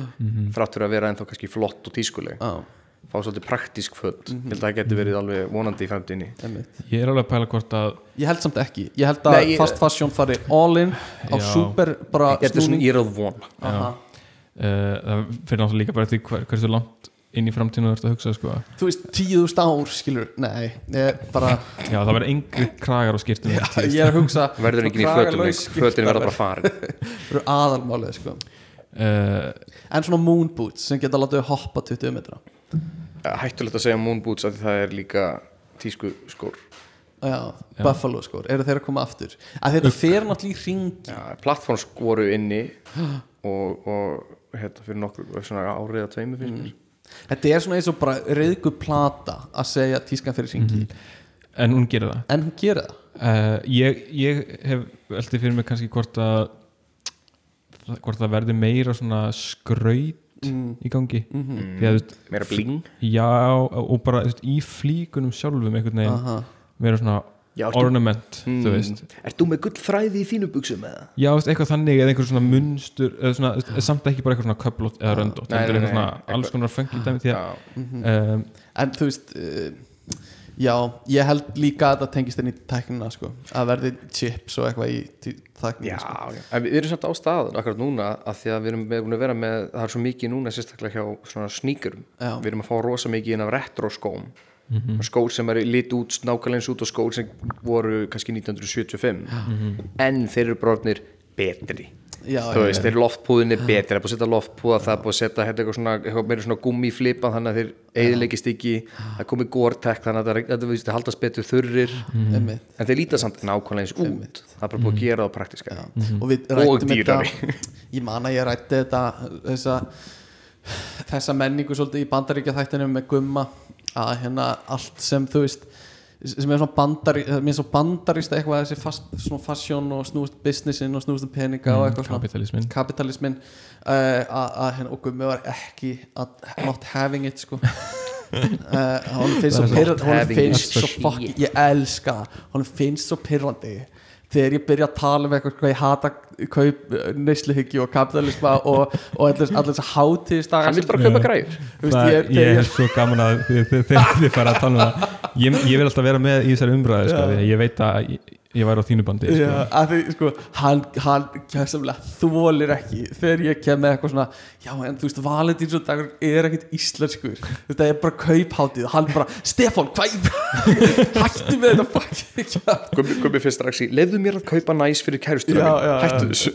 Herðu, mér lókar að fara í smá uh, leik með ykkur sem heitir alvöru tips eða heitt piss uh, sem er basically þannig að ég fann alvöru svona tísku fata uh, eitthvað svona ráð á netinu. Og svo bjó ég til líka nokkur sjálfur sem eru ekki alvöru ráð. Þú segir alvöru tísku ráð. Er þetta frá einhverjum credible sources eða fóstu bara eða? 100 uh, fashion clothing tips eða ok, eitthvað ok, svona. ok, ok. Þannig að þetta er, ég, ég ætla ekki að segja endilega hversu uh, nákvæmlega hversu rétt þau eru öll en þau eru alvöru tips Já, já, þetta er eitthvað sem hefur skrifað upp allavega, uh, og svo er ég sem skrifaði einhver. Þannig að ég ætla að reyna að gera þetta í svona random bröð um, þannig að fyrsta er svona Ert þú ringlaður á þvóttavélastillingum? Mundu þetta. Því heitar á vatn Því reyni verða fötin. Hlýtt vatn er fínt fyrir flest föt. Þá eru sængurver uh, og skítu hvítföt best þegin, þvegin með heitu vatni til að eyða síklum og þungum jarðvegi. Kalt vatn er notað fyrir undirföt. Er þetta alvöru tips eða heitt piss sem ég bjóð til? mm, það er eitthvað til í einhverju af þessu? Mér líður eins og þetta hljómaði smá eins og eitthvað sem ChatGPT skrifaði. Já, já, já. en ég notaði það ekki ég Ah, get ok, sagt það. ok. en ég þýtti hins vegar það er verðt að taka það fram. Ég þýtti allt hitt úr ennsku yfir í íslensku. Ok, þannig að uh, er ekkert rámt í þýðingunni? Er ég, eiginlega, ég, ég, ég veit að það er ekkert rámt í þýðingunni en það er svona, það er ekki kannski nákvæm þýðing alltaf. Ég myndi segja heitpiss Ég Ég- skil ekki akkur nærbuxur ætti að vera þvegnar með annari stillingu heldur en sængur og fleira eða þú vilt ná úr einhverju siglum og dóti. Aha. Það er samt alveg nærfattastilling á stóttælinu minni. Er, Já, En ég ætla að segja alveg tips. Ég ætla að segja heitpiss þetta er alvöru tips. Djöfull. Uh, þannig að Það Björgvin, ástæð, ástæð fyrir því þegar fólk spyr hvernig á að þvó flíkundar að segja það er svona miði Miði Sko flík ég set allt bara í vélina og bara á mixed stillinguna já, og svo bara þetta hefni í Ég set basically bara á fine wash F-A-I-J-N-E Fine wash í Hollandinu. Þetta er það sem ég gerði. Ég, í set, ég vildi setja allt bara saman en Kristjana er bara, nei, nei, nei, nei, nei, nei, nei. Ég er alveg áttum á því að sokkata mínir vilja ekki fine wash Mm. en allt annað virðist vera að koma allt í lagi út. Ég hef aldrei flokkað í hvít og litað. Nei. Þú veist, re- þú veist, Kristjana gerir það alltaf. Þegar, sko Kristjana gerir Ég það veit ekki, kannski eru hvítu fötum mín orðin eitthvað aðeins minna hvít eða eitthvað. Ég er bara ennþá að ég, býða eftir momentinu að ég set rauða bólum minn og hvíta bólum minn og þeir einhvern veginn mixast, það gerist ekki. Nei. veist, ég passa, þú veist, þegar ég er að þvó nýja flík í fyrsta skipti og hún er kannski lituð Já, að þá er ég ekki að þvó hana með hvítu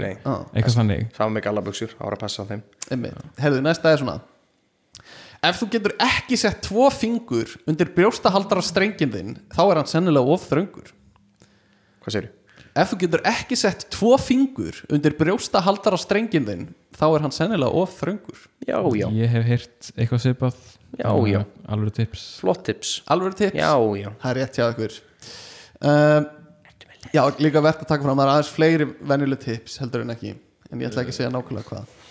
Ok, uh, næsta er svona uh, Tómas, hætti símanum. Nei.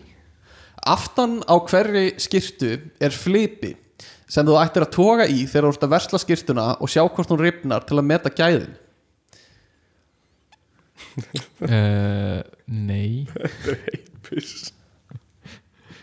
Vil ég negla það niður? Eh, Þetta er heitt Þetta er er spurning.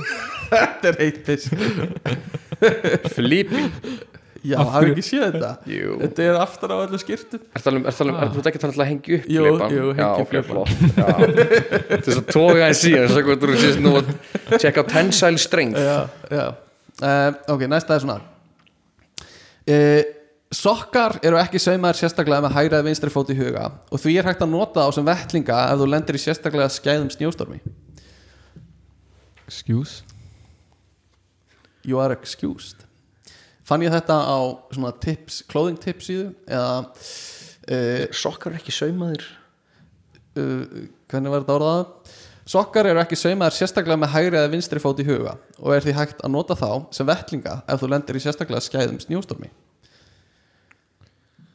Heitt piss. Uh, Heitt piss. Heitt piss? Já. Það er rétt, þetta er ég, Það er bara hugsaði, þeir verða að vera uni, hand ég hugsaði bara hversu látt get ég tekið þetta? Það var samt alveg fín hugmynd. Það er Þetta bara var ekkert samhengi líka á milli þessar að tveggja hluta. Nei, samt nóg til svona Þetta var svona nóg rausnarlegt til að vera kannski smá satt sko. Já, ok.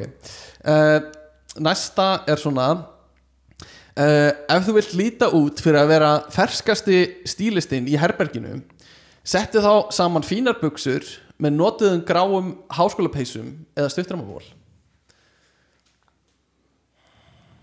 Þetta er alveg tips. Já, ég held það líka. Held það líka. Það er rétt. Ég fór aðeins og látt kannski í ruggli í mínum. Uh, Ok, næsta er svona uh, uh, Í miklu halleri getur þú þvegið fötið þín í uppþáttavélinni eða þú stillar á ego og eða lágan hitta Já, já, Í- þetta er bara alvöru tips. Uh, Þú sagðir í upp þá þá Já, uh, Nei, þetta er heitt piss. Þetta er heitt piss. Uh, Ég veit bara öfugt væri ekki, myndi ekki ganga. Já, það var heitt Það gengur ekki. Já. Og uh, það eru tvö eftir.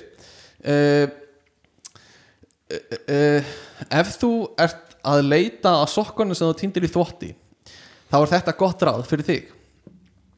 Uh, ef þú ert með uh, já, ef þú ert með verki taktu sokk og fylltu hann á baunum og grjónum og sett inn í örbylgjáfni í 30 sekundur og vola, þú ert komið með hittapoka Hvað tengdist fyrsti hlutin af þessari línu við restina af því? ég veit ekki. Er þetta er pælingin ef þú ert ef þú vantar eitt sokk þá getur þú nota hinn sokkin í þetta. Eða ef þú ert búin að týna ég myndi giska á þetta væri þú veist, ef þú er búin að týna öðrum soknum og veist, ekki, þú hefur ekkert að gera við hann sem átt eftir eða eitthvað slags getur þú sett fullt af baunum og grjón og hittað í ofni eða örbulgöfni þetta Eitt er alveg tips.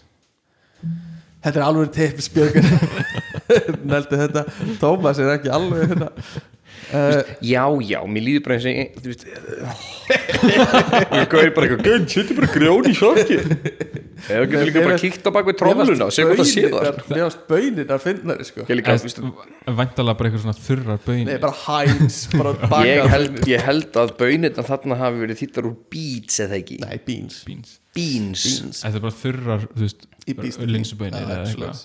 Og síðasta er svona uh, Úr eru löglega túlkuð sem föt á nektarströnd og þú gætir átt yfir höfðið þér sekt eða fangelsisvist eða þú fjarlægir það ekki á sumum ströndum sérstaklega í vestur Fraklandi hate piss.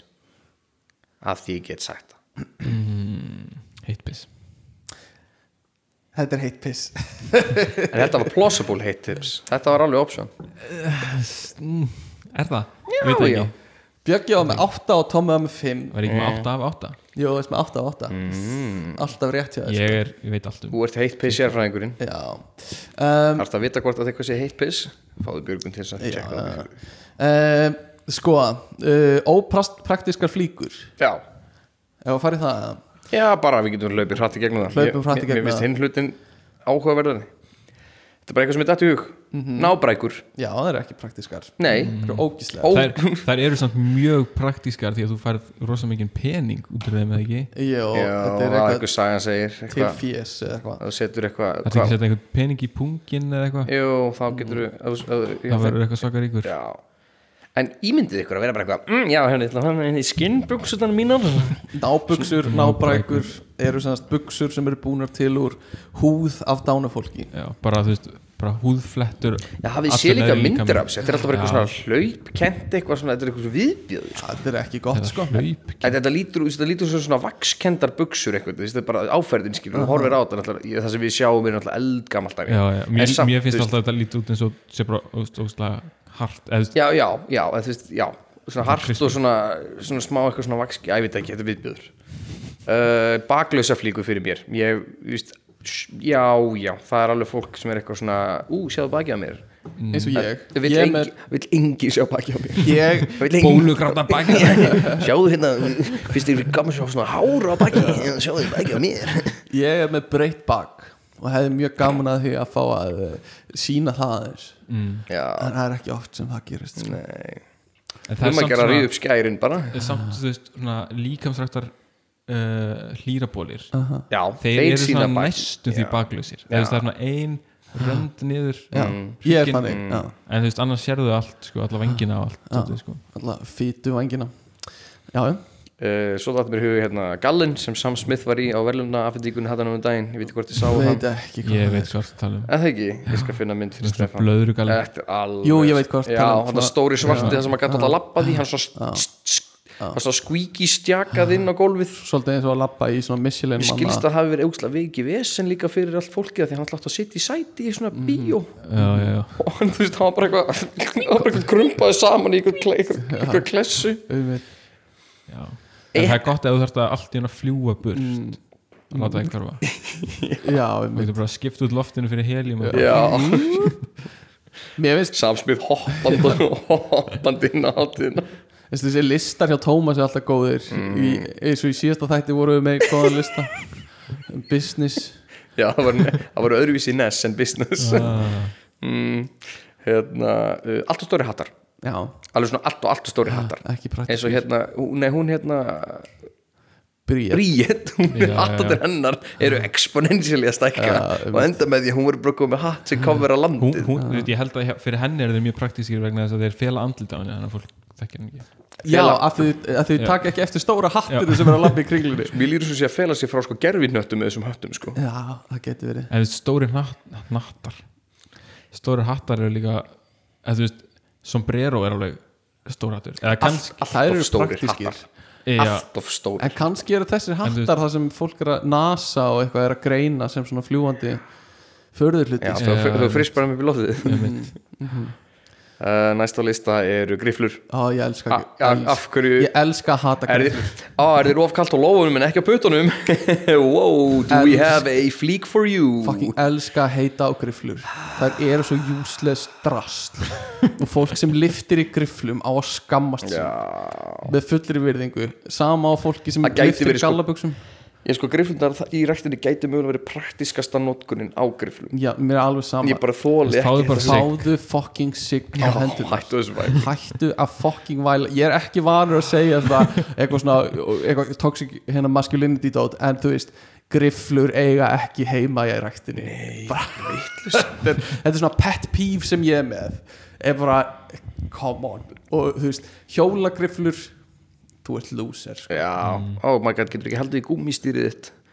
Griflur ég man, mér fannst, mamma þeim sem að grifflur handa mér Pappi var með mér Mér fannst þetta gett sko. flott. mér fannst það fuck, ég átti svona Digimon þessu Ég grifflur átti Digimon griflur, gulu damn, það hvað voru töff, netta sko en þú veist, ég var líka sjöra sko. Þannig líka. að bara eða sjöra, go nuts með þínar, sko. það er fucking tough en þeir eru orðið 20 plus skilu, Bara sleftu griflunum, köftu Yeah. bara hanskar hættu get fucking real sko.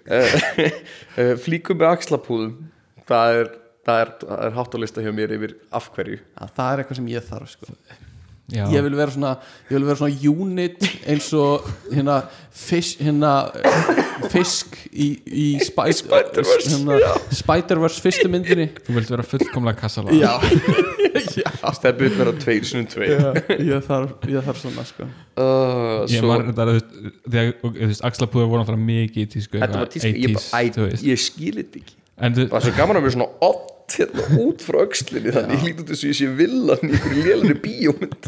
Einhvern tíma ég voru glæð síðustu jóla eitthvað þá voru að vera í jólabóð með mömmu og, bara fjölskyldinni og hún þú veist, ég hef aldrei séð hana í, í þessum jakka einhverju hluta vegna valdi hún bara að ta- taka einhvern jakka eða frakka sem hún átti veist, in the 80s Já. með einhverju svaka axlabúðum og ég er bara wow. Þú varst að sragga í rektinni bara. Bara viltu gjöra svo vel að stinga mikið með þessu sko. working them traps. Mm, Boratskílan, já, já, hún er ekki praktísk. Nei, hún er ekki Hún er bara líka sko að því að þú veist, þú ert með böndin niður frá öxlum og niður í raun og þessi strengurinn ætti að vera. Já. en það skapar tension frá klofi og upp í axlir. Þannig að þú hallar þér fram þá, fyr, þá fara böndin áfram. Og það þýr að það kemur rosa mikið tómarum Já. Frá maga og niður í klof Já. og það myndast bara gat fyrir alltaf að kíkja niður þannig að þú voru alltaf að vera svolítið Þetta svona hallandi aftur.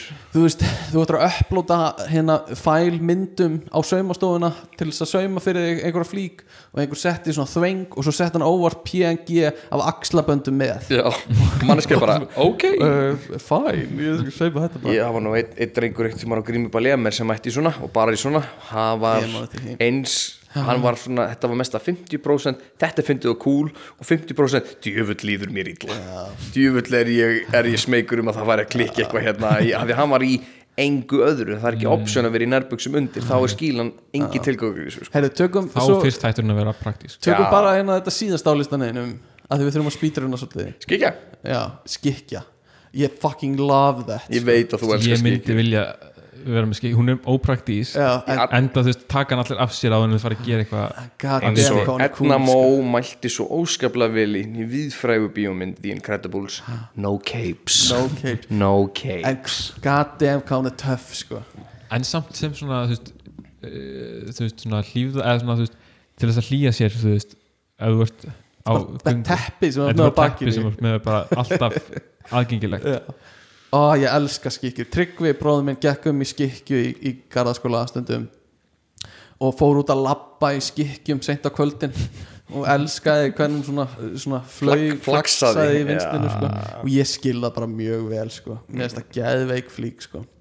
uh, og ok að fara í hérna uh, síðasta Þróun fata þróun fata og svo leik Já, til í það Uh, ég tek það fram, þetta er liður sem ég bjóð til þróun fata í tímaröð þetta er bara eitthvað sem ég skrifaði. Þetta er, Stefán postaði fallum link sem er fyrir gegnum actually söguna. Þetta er og svona ég nefndi ekkert að kíka á það Þetta er þetta, ég, held að, ég held að þróunin hafi verið svona. Þetta er Tommy að skrifa það sem hann heldur að þróun fata sé í gegnum tíma. Bingo, miklu betra en að lesa í gegnum söguna. Þetta er svona eins og í þætti um, þú veist, við hefum gert þetta um bjór þá fórum við einhvern sögu bjórs og eitthvað að reyna að vera rosa fræðilegir miklu og, skemmtilega þegar bulla bara. Já, og svo fórum við líka gegnum uh, sögu tækni í einhverjum þættinum sko.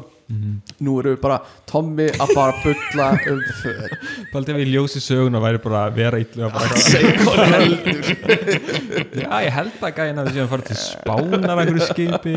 Var einhver að tjekka heimildir hjá henni, ég held ekki. Ok, spýtur inn um þetta. Við Byrjum á löfblöð þú ert bara á Adam og Evi vagn já, stærsta spurningi Þannig að elstu föt í heimi eru hvað?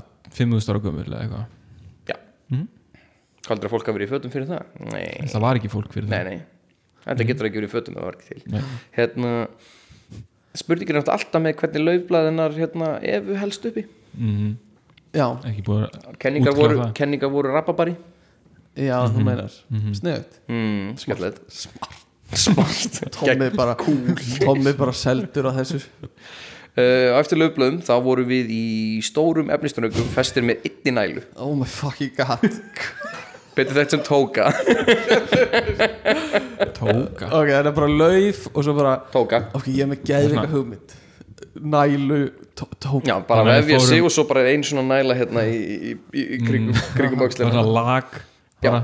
bara búið að vefja í Gríski þjóðbúningurinn Já, mættur. mættur. það var bara fyrsta sem við gerðum. Ok. svo föttuðum við að við tekið hérna efnistráka og gert eitt gat fyrir hausinn Mhm. og sett yfir okkur. Og þá erum við komið poncho. Já, einmitt, það er næsta skref. Einmitt. Þannig að mætti vel að segja þú veist, að saga klæðinaðar Já. sé saga bara þjóðbúninga veist, gegnum tíðina, tíðina. Ég er alltaf eins og já. einmitt, einmitt. Svo fyrir við úr uh, efnisstráka með einu gati yfir í efnisstráka með ermum, skálmum eða hlýrum já, þannig að við erum komin í bara bólin þannig að við erum Já, svolítið bólir eða buksur Við já, erum svolítið að svona anda þetta. í svona ein, einni svona one piece á útgáfu buksunni er það, við erum ekki að taka bara Svo þetta taka bara svarta plastbókan og klippa gött skilur Þetta þetta svona, ekki berrasæður í stutturum á ból.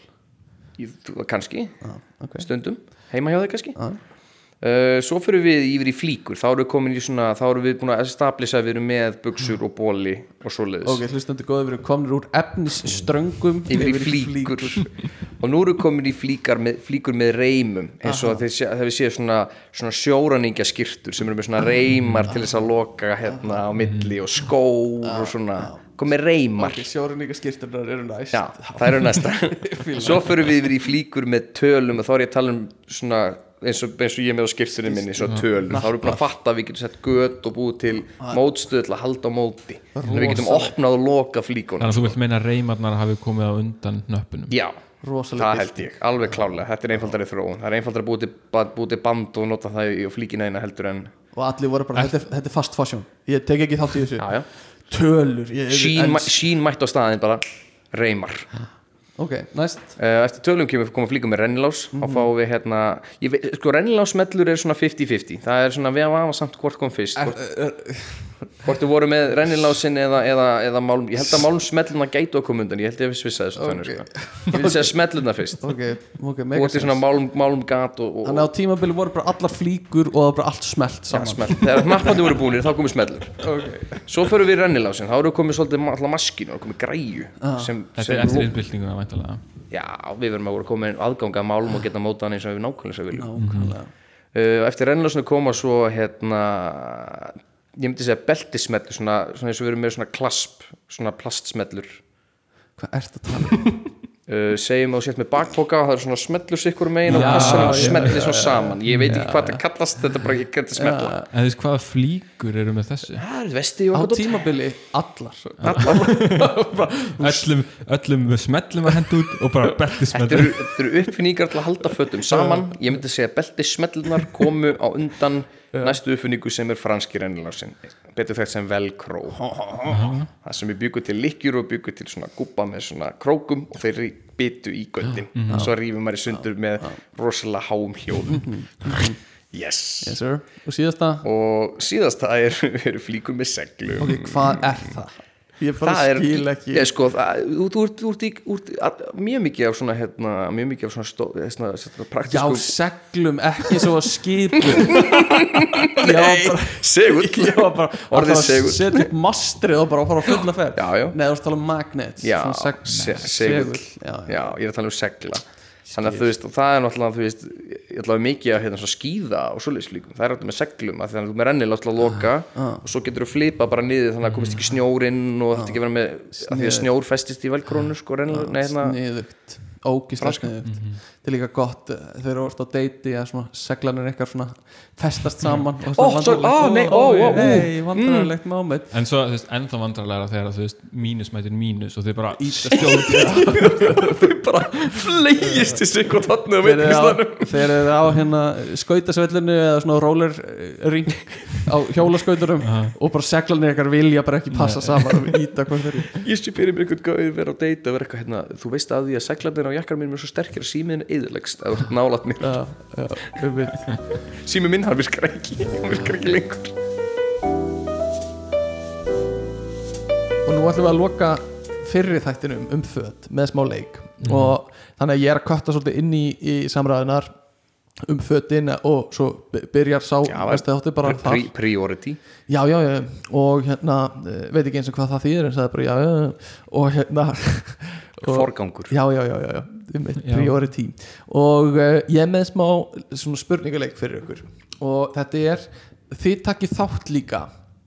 Og uh, ég, er með, ég ætla að bera upp spurningu. Þetta er allt tengt fötum, þetta eru þrjár spurningar. Uh, og þetta er svona uh, má kannski flokkat sem svolítið svona uh, svona fjärstaðukendar staðrindir um föt að einhverju leiti uh, þetta er svona uh, já, langsóttar staðrindir, allar sannar en hérna uh, já, ekki kannski svona eitthvað sem allir vita. Uh, og ég ætla að bera upp svona basically spurningu og þið ætla að skrifa svar um, og hérna senda á mig og ég skrifa eitt svar, býti svar og svo er sanna svarið líka. Þannig að í pottinum við hverju spurningu eru fjögur svör og þið ætla svo að giska á hvað er rétta svarið mm, þannig að við erum með þrjú veist, ég er með svar frá Bjögga svar á netinu, og svar frá mér? Svar frá ég er hann að gíska á Já, netsvar. Já, en þú vilt líka ekki gefa upp hvað þú skrifaðir. Nei, nei, nei, nei, kannski nei. er svona einhverju mind já, games. svona fimbulfamba, ég gíska á mitt svar svo Bjöggi gíska á mitt svar líka. Já, það gæti gert það, en þá tapar þú náttúrulega stíði sko, en fær stíði hans bjöka þannig að, hérna uh, það eru svona, þið verða mm. þið eru alls konar leikir sem hægt er að spila hér. Mhm. og þannig að ég ber upp spurninguna og hún þið, er á engelsk eða æslandis hún er á íslensku. Ok, og Hversu þið fáið smá tíma.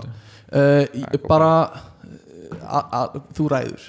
Það er eiginlega bara skemmtilega ef það er up to interpretation fyrir þig sko. Þannig að ef það kemur allt í hennu ógæsla stutt svar þegar öll svörun eru löng eða ógæsla langt svar þegar öll svörun eru En stutt. þá verður þú líka að einbæta þér að þínum svörum og ég að mínu svo ég sjá ekki Bjöggi að vera að tappa inn hérna 500 orð og já, ég eitt orð. bara, já, já, já, eitthvað svo leiðis þið bara En þykist kannski skrifa. skrifa ég bara eitthvað stutt Strók og svo er ég bara eitthvað Já, ég veit það það. getur verið. þá þannig að það verður er að vera raunverulegt raunverulegt feik að skrifa hérna Björgun að þykjast skrifa. Uh, ok, þannig að fyrsta spurningin er svona. Uh, hverju var trúað um konur sem voru með stutt hár fyrir hundrað árum? Og þetta er alveg svona þetta er smá asnaleg spurning af því, þú veist, hvar er þetta í heiminum og eitthvað svona en þetta er eitthvað sem, eitthvað svona staðreind sem ég fann á netinu. Sem 1923 í kringum 1920. kannski kringu 1900 cirka. Þá var einhverju trúað um þær konur sem voru með stutt hár. Uh, já og þær áttu að já, eitthvað, sem, Eitthvað. eitthvað. Ég ætla ekki að fara nánar út í það. Lestu, ok, klára það. Uh, og þið ætlaði að skrifa ykkar svar við því. Ok. Uh, lestu svarið orðið rétt bara. Já, ég reyna að gera það. Og ég er svona jáðra við að vera lesblendur þannig að kannski högti ég þannig að það er erfitt fyrir ykkur ef ég högti en er einhver standardbyrjun á svörunum sem þú ert með og hitt? nei, það ég er allt bara random. Ég reyna ekki sko. Ok, strákunir eru búin að senda inn svar og ég er búin að generata hérna, list, random list af tölunum 1 upp í 4 til þess að vita í hvað röð ég ætla að lesa þetta þannig að þetta sé alveg random röðin. Um, og uh, þá eru svörin svona og þið ætlið svo að Mútu kannski endur taka spurninguna og svo lesa svo þannig að, að hérna, þið giskið svo hvað þið haldið að sé rétt um, hverju var trúaðin konur sem voru með sítt ár fyrir 100 árum? Stutt hár. Já, stuttár, sorry, stuttár, stuttár, stuttár uh, og uh, fyrsta svarið er svona þær uh, já uh, uh, uh, já, já, já ok. Byrjum, byrjum hérna. Uh, stutt hár konu átt að uh, átt að fucking god sko. St- stutt hár konu átti að túlka að þær væru ótrúar manninum sínum hmm. það er svar nummer eitt uh, næsta svar er svona, mm, svona. Uh, það er þetta stutthára konu átti að sína að henni var treyst til að keira bíl en almennt máttu aðeins karlar keira bíla næsta svar er svona uh, stutthár á konu uh, uh, ætti, já, átti að túlka að þær væru skítuar undir höndunum. Og já, og svo síðasta svar ég er að lesa þetta svo illa. Síðasta svar er svona stutt hár á konu átti að túlka að þær væru af satani komnar þar sem satan var þekktur fyrir að vera stutthærður þannig að þetta eru svörin ykkar. Ok, ótrú manninu sínum.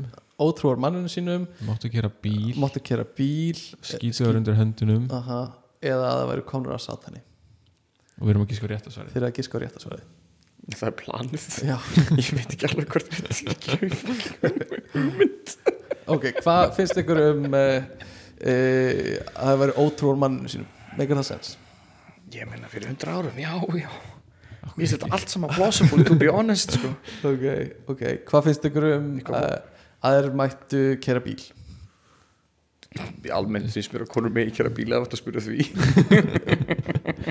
Ég fell ekki, þessa, fell ekki þessa gildur Þær eru þá líkari kallmönnum í útliti á þeim tíma, hefði ég ekki ská Ég, ég geti trú að ég raukin væri að þær, það gæti platta laurugluna verandi kerandi bíla. Aha, en ég, ég, ég myndi ekki líða eins og eitthvað svona já, nei, hún, já, hún er stuttar hún má kera bíl, það er allt í góð já, það er við veist þú skrítið, eða þú veist, eiginlega bara hvernig þetta er orðað, eitthvað spurningin hverju að trúa um konur með stutt ár þú getur alltaf valið hvort þú sér með stutt ár eða ekki. Já, um mitt já, en þegar þú komið stuttar þá, þá verður eiginlega að vera með stuttar. Þá getur það röla En hvað finnst ykkur um skítuðar undir höndunum? Megar það sens? ég finnst alveg nóg mikið bull til að vera rétt sko. Ok, og Satan, það er tengið Satani. Trúardrast finnst mér vera alltaf make a sense allavega svona fyrir einhverjum ári síðan en svona aðeins í öðrum kima heldur en hísverðin Já, en þú veist það geti bara verið líka að það sé rétt á mm ég bara, ég veit ekki hvað trúin var stödd 1920 ég hef ekki hugmynd Ég er sko. bara all over sko. Ég er ekki nóg mikil sagfrækur, ég hlusta nóg mikið á skítuður undir höndunum í handa krigunum Ég býstu því. Að þeir séu þá, þú veist, ekki að hugsa um langa hári sitt og líka ekki að hugsa um almenn hreinlæti. Ég ætla að reyna svona að verja öll svör sko. mm, skiljanlega, það er góð pól Þannig að, að hérna, hvað segir þú Björgvin? Hvað, ég getur byrjað þannig, svo svara ég næstu fyrst eða ekki, svo að sé sangja Já, ég held að ég held að því hafi verið trú að þær verið skítuður undir höndunum. Ok, Tómas ég vil skjóta sama. Og kaupa, kaup, kaupa svariðast Björgvins. Wow. uh, uh, Nei, það var það Já, við skulum fara yfir það sem uh, svörin. Mm. Sem sagt uh, uh, Hverju var trúaðin konu sem voru með stutta ár fyrir 100 árum uh, Að vera skítur undir höndunum er það sem ég skrifaði. Já, skemmtilegt, vel gert. Mm Takk fyrir alveg takk nóg fyrir. trúanlegt að vera bara alveg rétt. Uh, Það var haldið að þær væru af satani komnar uh, því satani þekkti fyrir að vera stuttarður er það sem Tómas skrifaði. Tómas skrifaði það þetta er svo mikið Tómas þegar maður hugsa um það sko. satani stuttarður. Uh, og annars, annars ekki plásur í hotnin, það verður stuttar uh, þannig að vera með bílinn og ótrúar eftir og stutthár átt að tákna að konum væri treyst til að kera bíl er það sem Björgun skrifaði. Mm, ég var alveg, alveg, alveg samt, ég, ég var alveg líklegt sko. Já, mér fannst öll spöðurinn fyrir þetta mitt þannig að þetta var uh, ótrúar manninu sínu það var hald, uh, trú, uh, svona að gefa í skýna að þeir eru ótrúar manninu sínu en er það þá að því að þeir gliftu hárið á I þeim don't know ég er ekki eins og við sem þetta sér sönn staðrind Nei, sko, það var það sem stóð. Uh, ok, næsta spurning er svona. Hvað eru ok, og ég þarf að lesa þetta. Grapatologists hvað eru grapatologists konur sem haldið var að væru komnar af satani af því að satani þetta fyrir stundar já og strákan er alltaf núna að skrifa svo og senda á mig. Er þetta, þú veist, grapatologist gist með, þú veist, það sem S er svona einhver flirtölu S, já, fleirtulegs grapatologists Já. grapatologistar já, grapatologistar ég var að skrifa þá grapatologistar eða grapatologists, hvernig ætlar að lesa? Þú getur uh, skiptir ekki máli, ég reyna að samræma svona byrjunin á öllu svörunum það var svona það sem var að fokka mér upp síðast sko. þess vegna verið svona lengi að lesa að því ég var svona að reyna að gera eins byrjun og allt þar. Mm. svona umvorðaði fyrstu tvö orðin hjá öllum. En ok, svo sendið á mig. Ok, þeir eru báði búin að svara og senda mér. Ég er búin að þetta nýjan hérna uh, random number lista yfir hvað röð ég ætla að lesa svörun upp í. Uh, þannig að uh, þe- þetta verður lesið upp svona. Spurningin er hvað eru grapatologists eða grapatologistar eins og ég ætla bara að kalla það henni frá uh, grapatologistar eru þeir sem sapna bindum. Grapatologistar eru læknar sem taka á vandamálum tengdum fötum. Og uh, svo er það grapatologistar er úrælt orð yfir menn sem sérhæfðu sig í að verka leður sem notuð voru í fatagerð. Og síðasta er svona grapatologistar eru sagnfræðingar sem sérhæfa sig í kastalasmíðum meðalda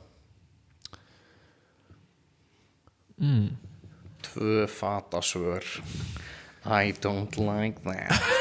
Þetta er þáttur um föt. Já, uh, I don't like that. Alveg rosalega hefði kannski átt að vera svona ymbra á því að þetta eru allt fatastar stutt hár, það fatast Já, svona tísku, svona klæðna hérna útlits staðrindir uh, hann segir það eins og er að kannski að plata okkur. Það getur líka verið. Ég ætla ekki að útiloka það. Vitum við, þetta voru bindismenn bindindismenn. Bindismenn. Bindismenn. Eh, Þeir sem, já, semst, þeir sem safna bindum. Þetta eru læknar sem taka vandamálum tengdum fötum. Uh, Þetta eru uh, úrelt orð yfir menn sem sérhafa sig í að verka leður sem notu voru í fatagerð og eru sagnfræðingar sem sérhafa sig í kastalasmíða miðalda bindismenn ég er að svara fyrst bindismenn Tómas, bindismenn Hvernig, hvað finnst ykkur um uh, eins og hérna sagfræðingar sem sérhafa sig í kastalasmíða meðalda? Það er aftur svolítið svona í öðrum kima heldur en hinsturinn sko. aha. um, en spurningin er, erum við að lesa grapatologist rétt fyrir ekki ég er að tala í dós. Er hérna, erum við að lesa þetta rétt? Gra, Lesa þetta rétt. Er þetta grapatologist er þetta grabalatologist Grabatologist grabatologist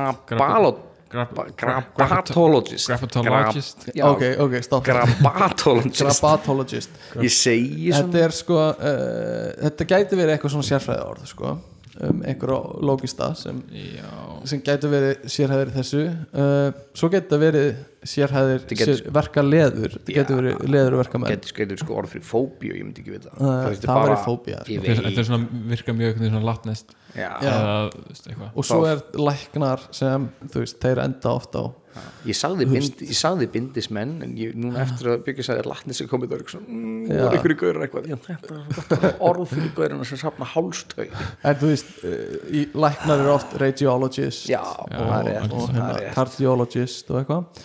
Uh, og þeir sem safna bindum þú veist, kannski, bara eitt. Þú Vonan, veist, en það- en- vonandi það er bara einhver ismi sko. það er bara einhver ismi, sko. Já, já. ismi, Ismi. mesmi. Og þá eru fólk sem eru isma, stuðja isma eru oftast istar já, já, þannig það er oi, þetta er erfið svör. Við erum allir að standa okkur Já. og svari sjálft er að standa sér líka hvað segir Tómsi? ég sagði bindismenn, ég ætla bara að standa við með bindismenn. Björgvin? Hvað, hvað, hvað segir hann? bara til að vera öðruvísi alltaf þessi læknarnir. Læknarnir, ok. Förum við svörin uh, Grabatólogist er úrælt orð sem menn sem verku leður eitthvað, það er Björgvin. Björgvin skrifaði það uh, Næsta er uh, eru sagnfræðingar sem sér hafa sig í kastalsmiðum meðalda. Tómas gerði það. Ekki tengt fjöldum Nei, ég, ég hugsaði sko að þú lesta sko grabatól Já, og batól er actually orð sem er notað stundum í svona allavega fantasy heimi eða einhverja, einhverja bingar að ég hugsaði bara, Ok, já, já, ok. sjáum hvort einhver, einhver feng, einhver tengi. Uh, Læknar sem taka vandamálum tengdum fötum er eitthvað sem ég bjóð til.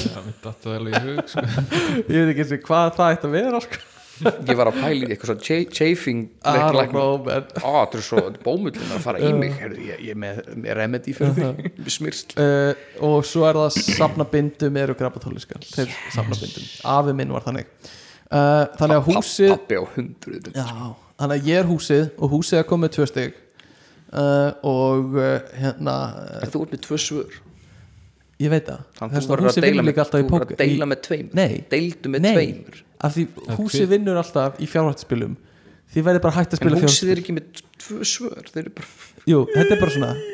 Uh, Þannig að það er uh, eru með eitt hvor og, og húsið er með tvö. Uh, Og síðasta spurning er svona. Erum við með eitt hvor? Já, Tommi fekk þetta, þú fekk síðast fekk hann síðast? Er það ekki? Nei, ekki sko um báðir á hann. Já, það var skítuður undir höndunum. Já, sem var ok. steppasvar Já, Tommi er með Já, já, já. Í raun með þrjú. Ég er með þrjú, húsið er með þrjú. Tralala okay. steppi með eitt húsið með tvö. Steppi sér. Já, uh, ok, og síðast spurning er svona. Hvernig nýttu fólk á 19. öld kameljón í tísku? Ok, og við förum yfir síðast spurninguna. Um, Spurningin var sem sagt uh, hvernig nýttu fólk á 19. öld kameljón í tísku? Og ég er búin að búa til nýjan uh, random number lista til að lesa svörin í. Og þá er fyrsta svari svona. Húð kamiljóna var notuð í belti sem nær engungu voru notuð af hefðarfólki. Næsta svar er svona. Uh, uh, Já, sem sagt Munnvatn kamiljóna var notuð til að búa til saumtvinna og næsta svar er svona. Uh, Kamiljón voru notuð sem barmnælur. Uh, Ok.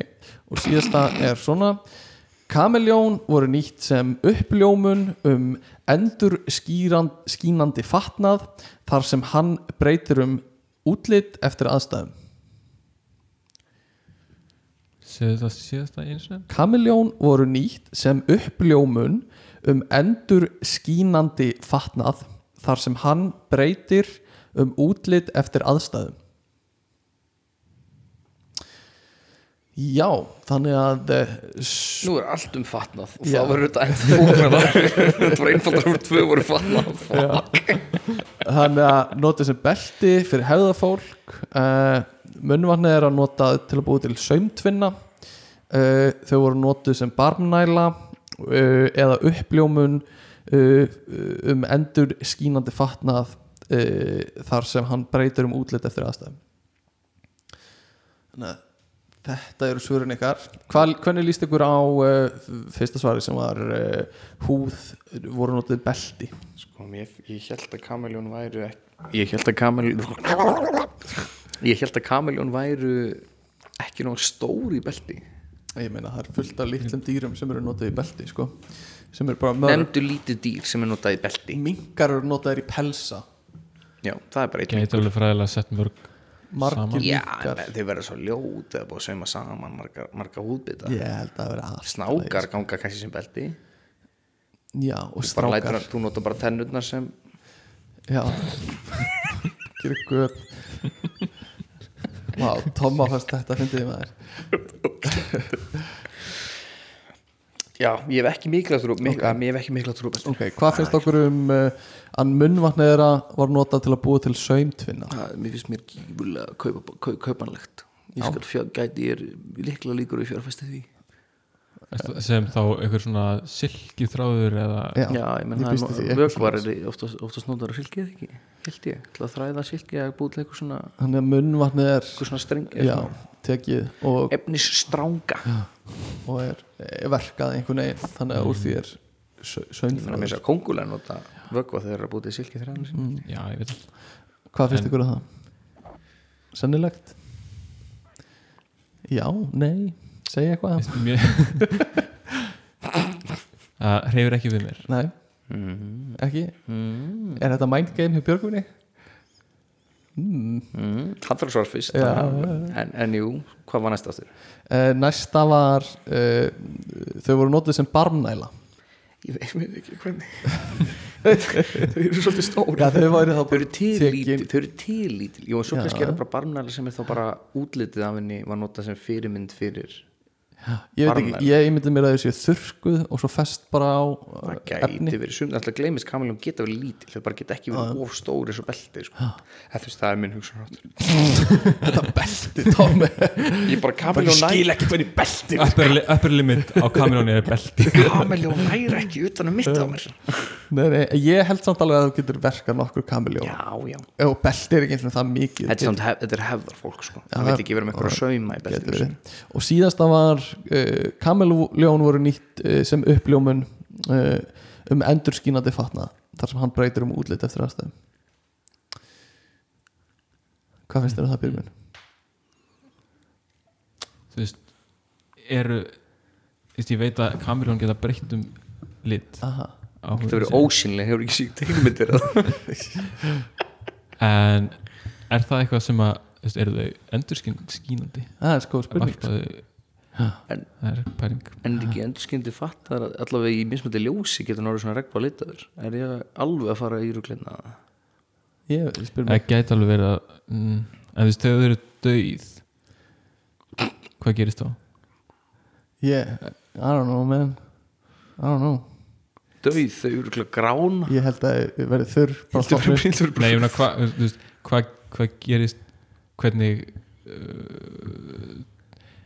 ég held að hvernig við séum samspil ljós og húðar kamiljóns eftir andlót þess. Ég held að þau- ég, veit ekki, ég held að við gæti alveg haldið einhverju af eiginleikur sínum.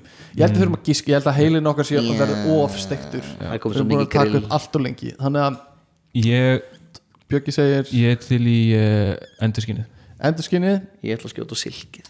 Og mun, já, silki munnvatnið já, uh, sem Björki uh, var ekki að kaupa. Þannig að svarið er svona uh, húð kamiljóna voru notu hvað hva sagði þú? Já, uppljómun. Sem belti uh, einhverju hefðafólki það var Björgvin sem skrifaði það, enginn giskaði á það. Uh, kamiljón kemst ekki utan að mitt á mér Björgvin. Uh, Kamiljón voru nýtt sem uppljómun um endurskindi fatnað það var Tómas sem skrifaði Ó, það. ok. færi stig þar. Ég tekka fram uppljómun þá er ég ekki að tala um að lýsa á kamiljónin Nei, nei, þá er ég að tala um sem svona hugmyndin af endurskilandi, það var hugmynd, það var var að vinna með. um ó, ég las bara það sem stóð já, þetta er bara miskilíkur orðum en það er bara fínt, ég veit að Björgvin ég skilja það með stegum ég er mér alveg svo uh, svo var munnvatt þeirra notað sem söndfinni ég bjóð það Ah, til ég var ef ég er stálust niður Já. það var Uh, allt sem nælur. og þeir voru notað sem barnælur ég veit ekki veistu hvort að dýrin sjálf eða ég hugsa það var bara að þau hafa verið þurrkuð sko, en svo. ég sé líka það fyrir mér svona bara, þú veist, bara málm kameljón líka þessi bara sem næla sko. já, ég held að það hafa verið alveg dýrið. Um, en hérna já, við segjum þetta gott í dag. Takk fyrir að hlusta en á ætlum við eitthvað uh, veist, hérna missjónin sem vorum með Já, við segjum eitthvað þau. að pæla? Já, getur gert það það. góð pæling. Ég, ég sem ég glimti þeim já, mér datta í hug sko uh, ég, mitt misjón mm. með gísk Já, við erum að ég giska, með við erum að giska. ég held að Björki sé með það þú sem ég á veist, með. ég veist, ég, mér fannst ég taka eftir því meiri svona í fyrir hlutanum Já, og svo fjaraði það út en þú varst að veist, alltaf að leika mig sem robot Nei. eða bara vera leiðilegu við mig. Ó, nei, eða þú veist. Það var bara það var bara venjuleg hefð uh, eða þú veist hérna segja mér að uh, ah, ég man einhver já, uh, Jack your attitude. Já, já, já.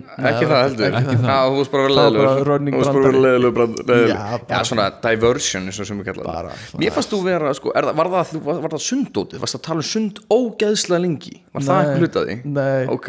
Nei, það hefði verið mjög fyndið. Það er bara ég líka. Já, já, það meikar alveg sens þetta var góð saga. En það er bara hún En ég var gerðu þið ykkar? Já, ég kom því alveg að sko. Same. Fuck. Ok, mitt var sem sagt uh, að hérna að vera alltaf að tala um gamla þætti Að Ok. vísa Já, já, gamla já, þætti. ég pældi, ég ætla að segja flashbacks Ég Já. alltaf að minnast það, já, þú Að gerði það vel, sko Alltaf að tengja gamla þætti Já, við- þú varst alltaf ekki, já, gæti þáttun, Já, 85 já. Þú bara, já, já, já, Ég ætlaði undir lokin að vera bara ógæðslega aggressífur í því Mm. En ég svo gleym, gleymdist það Ég var eiginlega bara svona Ég tók alveg eftir þú varst að Já, gera já. það En ég var eiginlega búin að festa mig á hina hugmyndina já, sko. já, já. Ég held að róboti væri nefnilega því þú, hann kom svona fimm sinnum sem var svona þrísor svona- oftar en En ég hugsaði líka alveg þú veist, að gæti alveg verið Stefán sem einhver svona taktíkar Já, að vera með eitthvað annað sem að ég ætlaði að minnast á flashbacki samt, það var rosa mikið svona, já, en, en hann í den. Æ, mig gruna alveg að þið myndi halda að eitthvað sem svona running gags væri Þeir voru svona góði gags til að byrja með, þannig mér finnst Ok. það bara fínt. Uh, Ég ándjóks, ég var að reyna að láta mig Ég- þetta í hug hvað þið voru með. Ég ándjóks Ég kom því ekki. nóg, ég, Ég- sko, að Tala um bóliðin, Nei, kannski tí- Ég held að voru kannski að tala um gamla bækur. Nei. Nei, Tómas, uh, þú segist hafa komið að Mér leið bara eins og það er ekki gert neitt sko. Á- nei, nei, nei. Sko, vandamáli var ég ætlaði að koma því oftar að. Já. Það var ég sá alveg nokkuð svona plön í skriptinu og svo sleftu við því. Ah, þá var ég bara svona, ah, ok, þess að skrítið bara potaði núna. Og svo svona smá undir svona þegar við komum til helming þá ég bara glindi Hva- hvað, hvað var það? Hvað Mitt var að koma að Kanye West og Pretty Chocoboy Nei. og minnast á það að Pretty Chocoboy væri íslenski Kanye West. Ah, og það, ég sá, sá invent það sem var að tala um hérna, þú veist að klættur í ákveði dæmi og þá var það leiklistapartí eitthvað svoleiðis og ég bara, þannig er hann, þannig minnist ég á hann. Og ég var, var svona eitt aðra tækja þegar ég sá þess ég ætlaði að koma því að og svo bara var, það- komst það ekki inn, þú- gerðir það eiginlega bara ég einu tók, gerðir það bara það. frétt, ég tók bara fréttina svo var, já. svo var partur hann að tala með partíin og ég bara, þetta kemur hann inn. svo ætlaði ég þá um, að, að þau koma því af og svo ætlaði ég að taka eitt í viðbót að ég ætlaði að koma svona, eins og ég sagði áðan þá er Pretty Chocoboy íslenski Kanye West. en svo bara af því þetta út þá bara hrundað undir sko. Ok, nú veit ég hvernig Sindri ég var alveg saman með þessa frétt sko, það er ástæð fyrir fróðinu,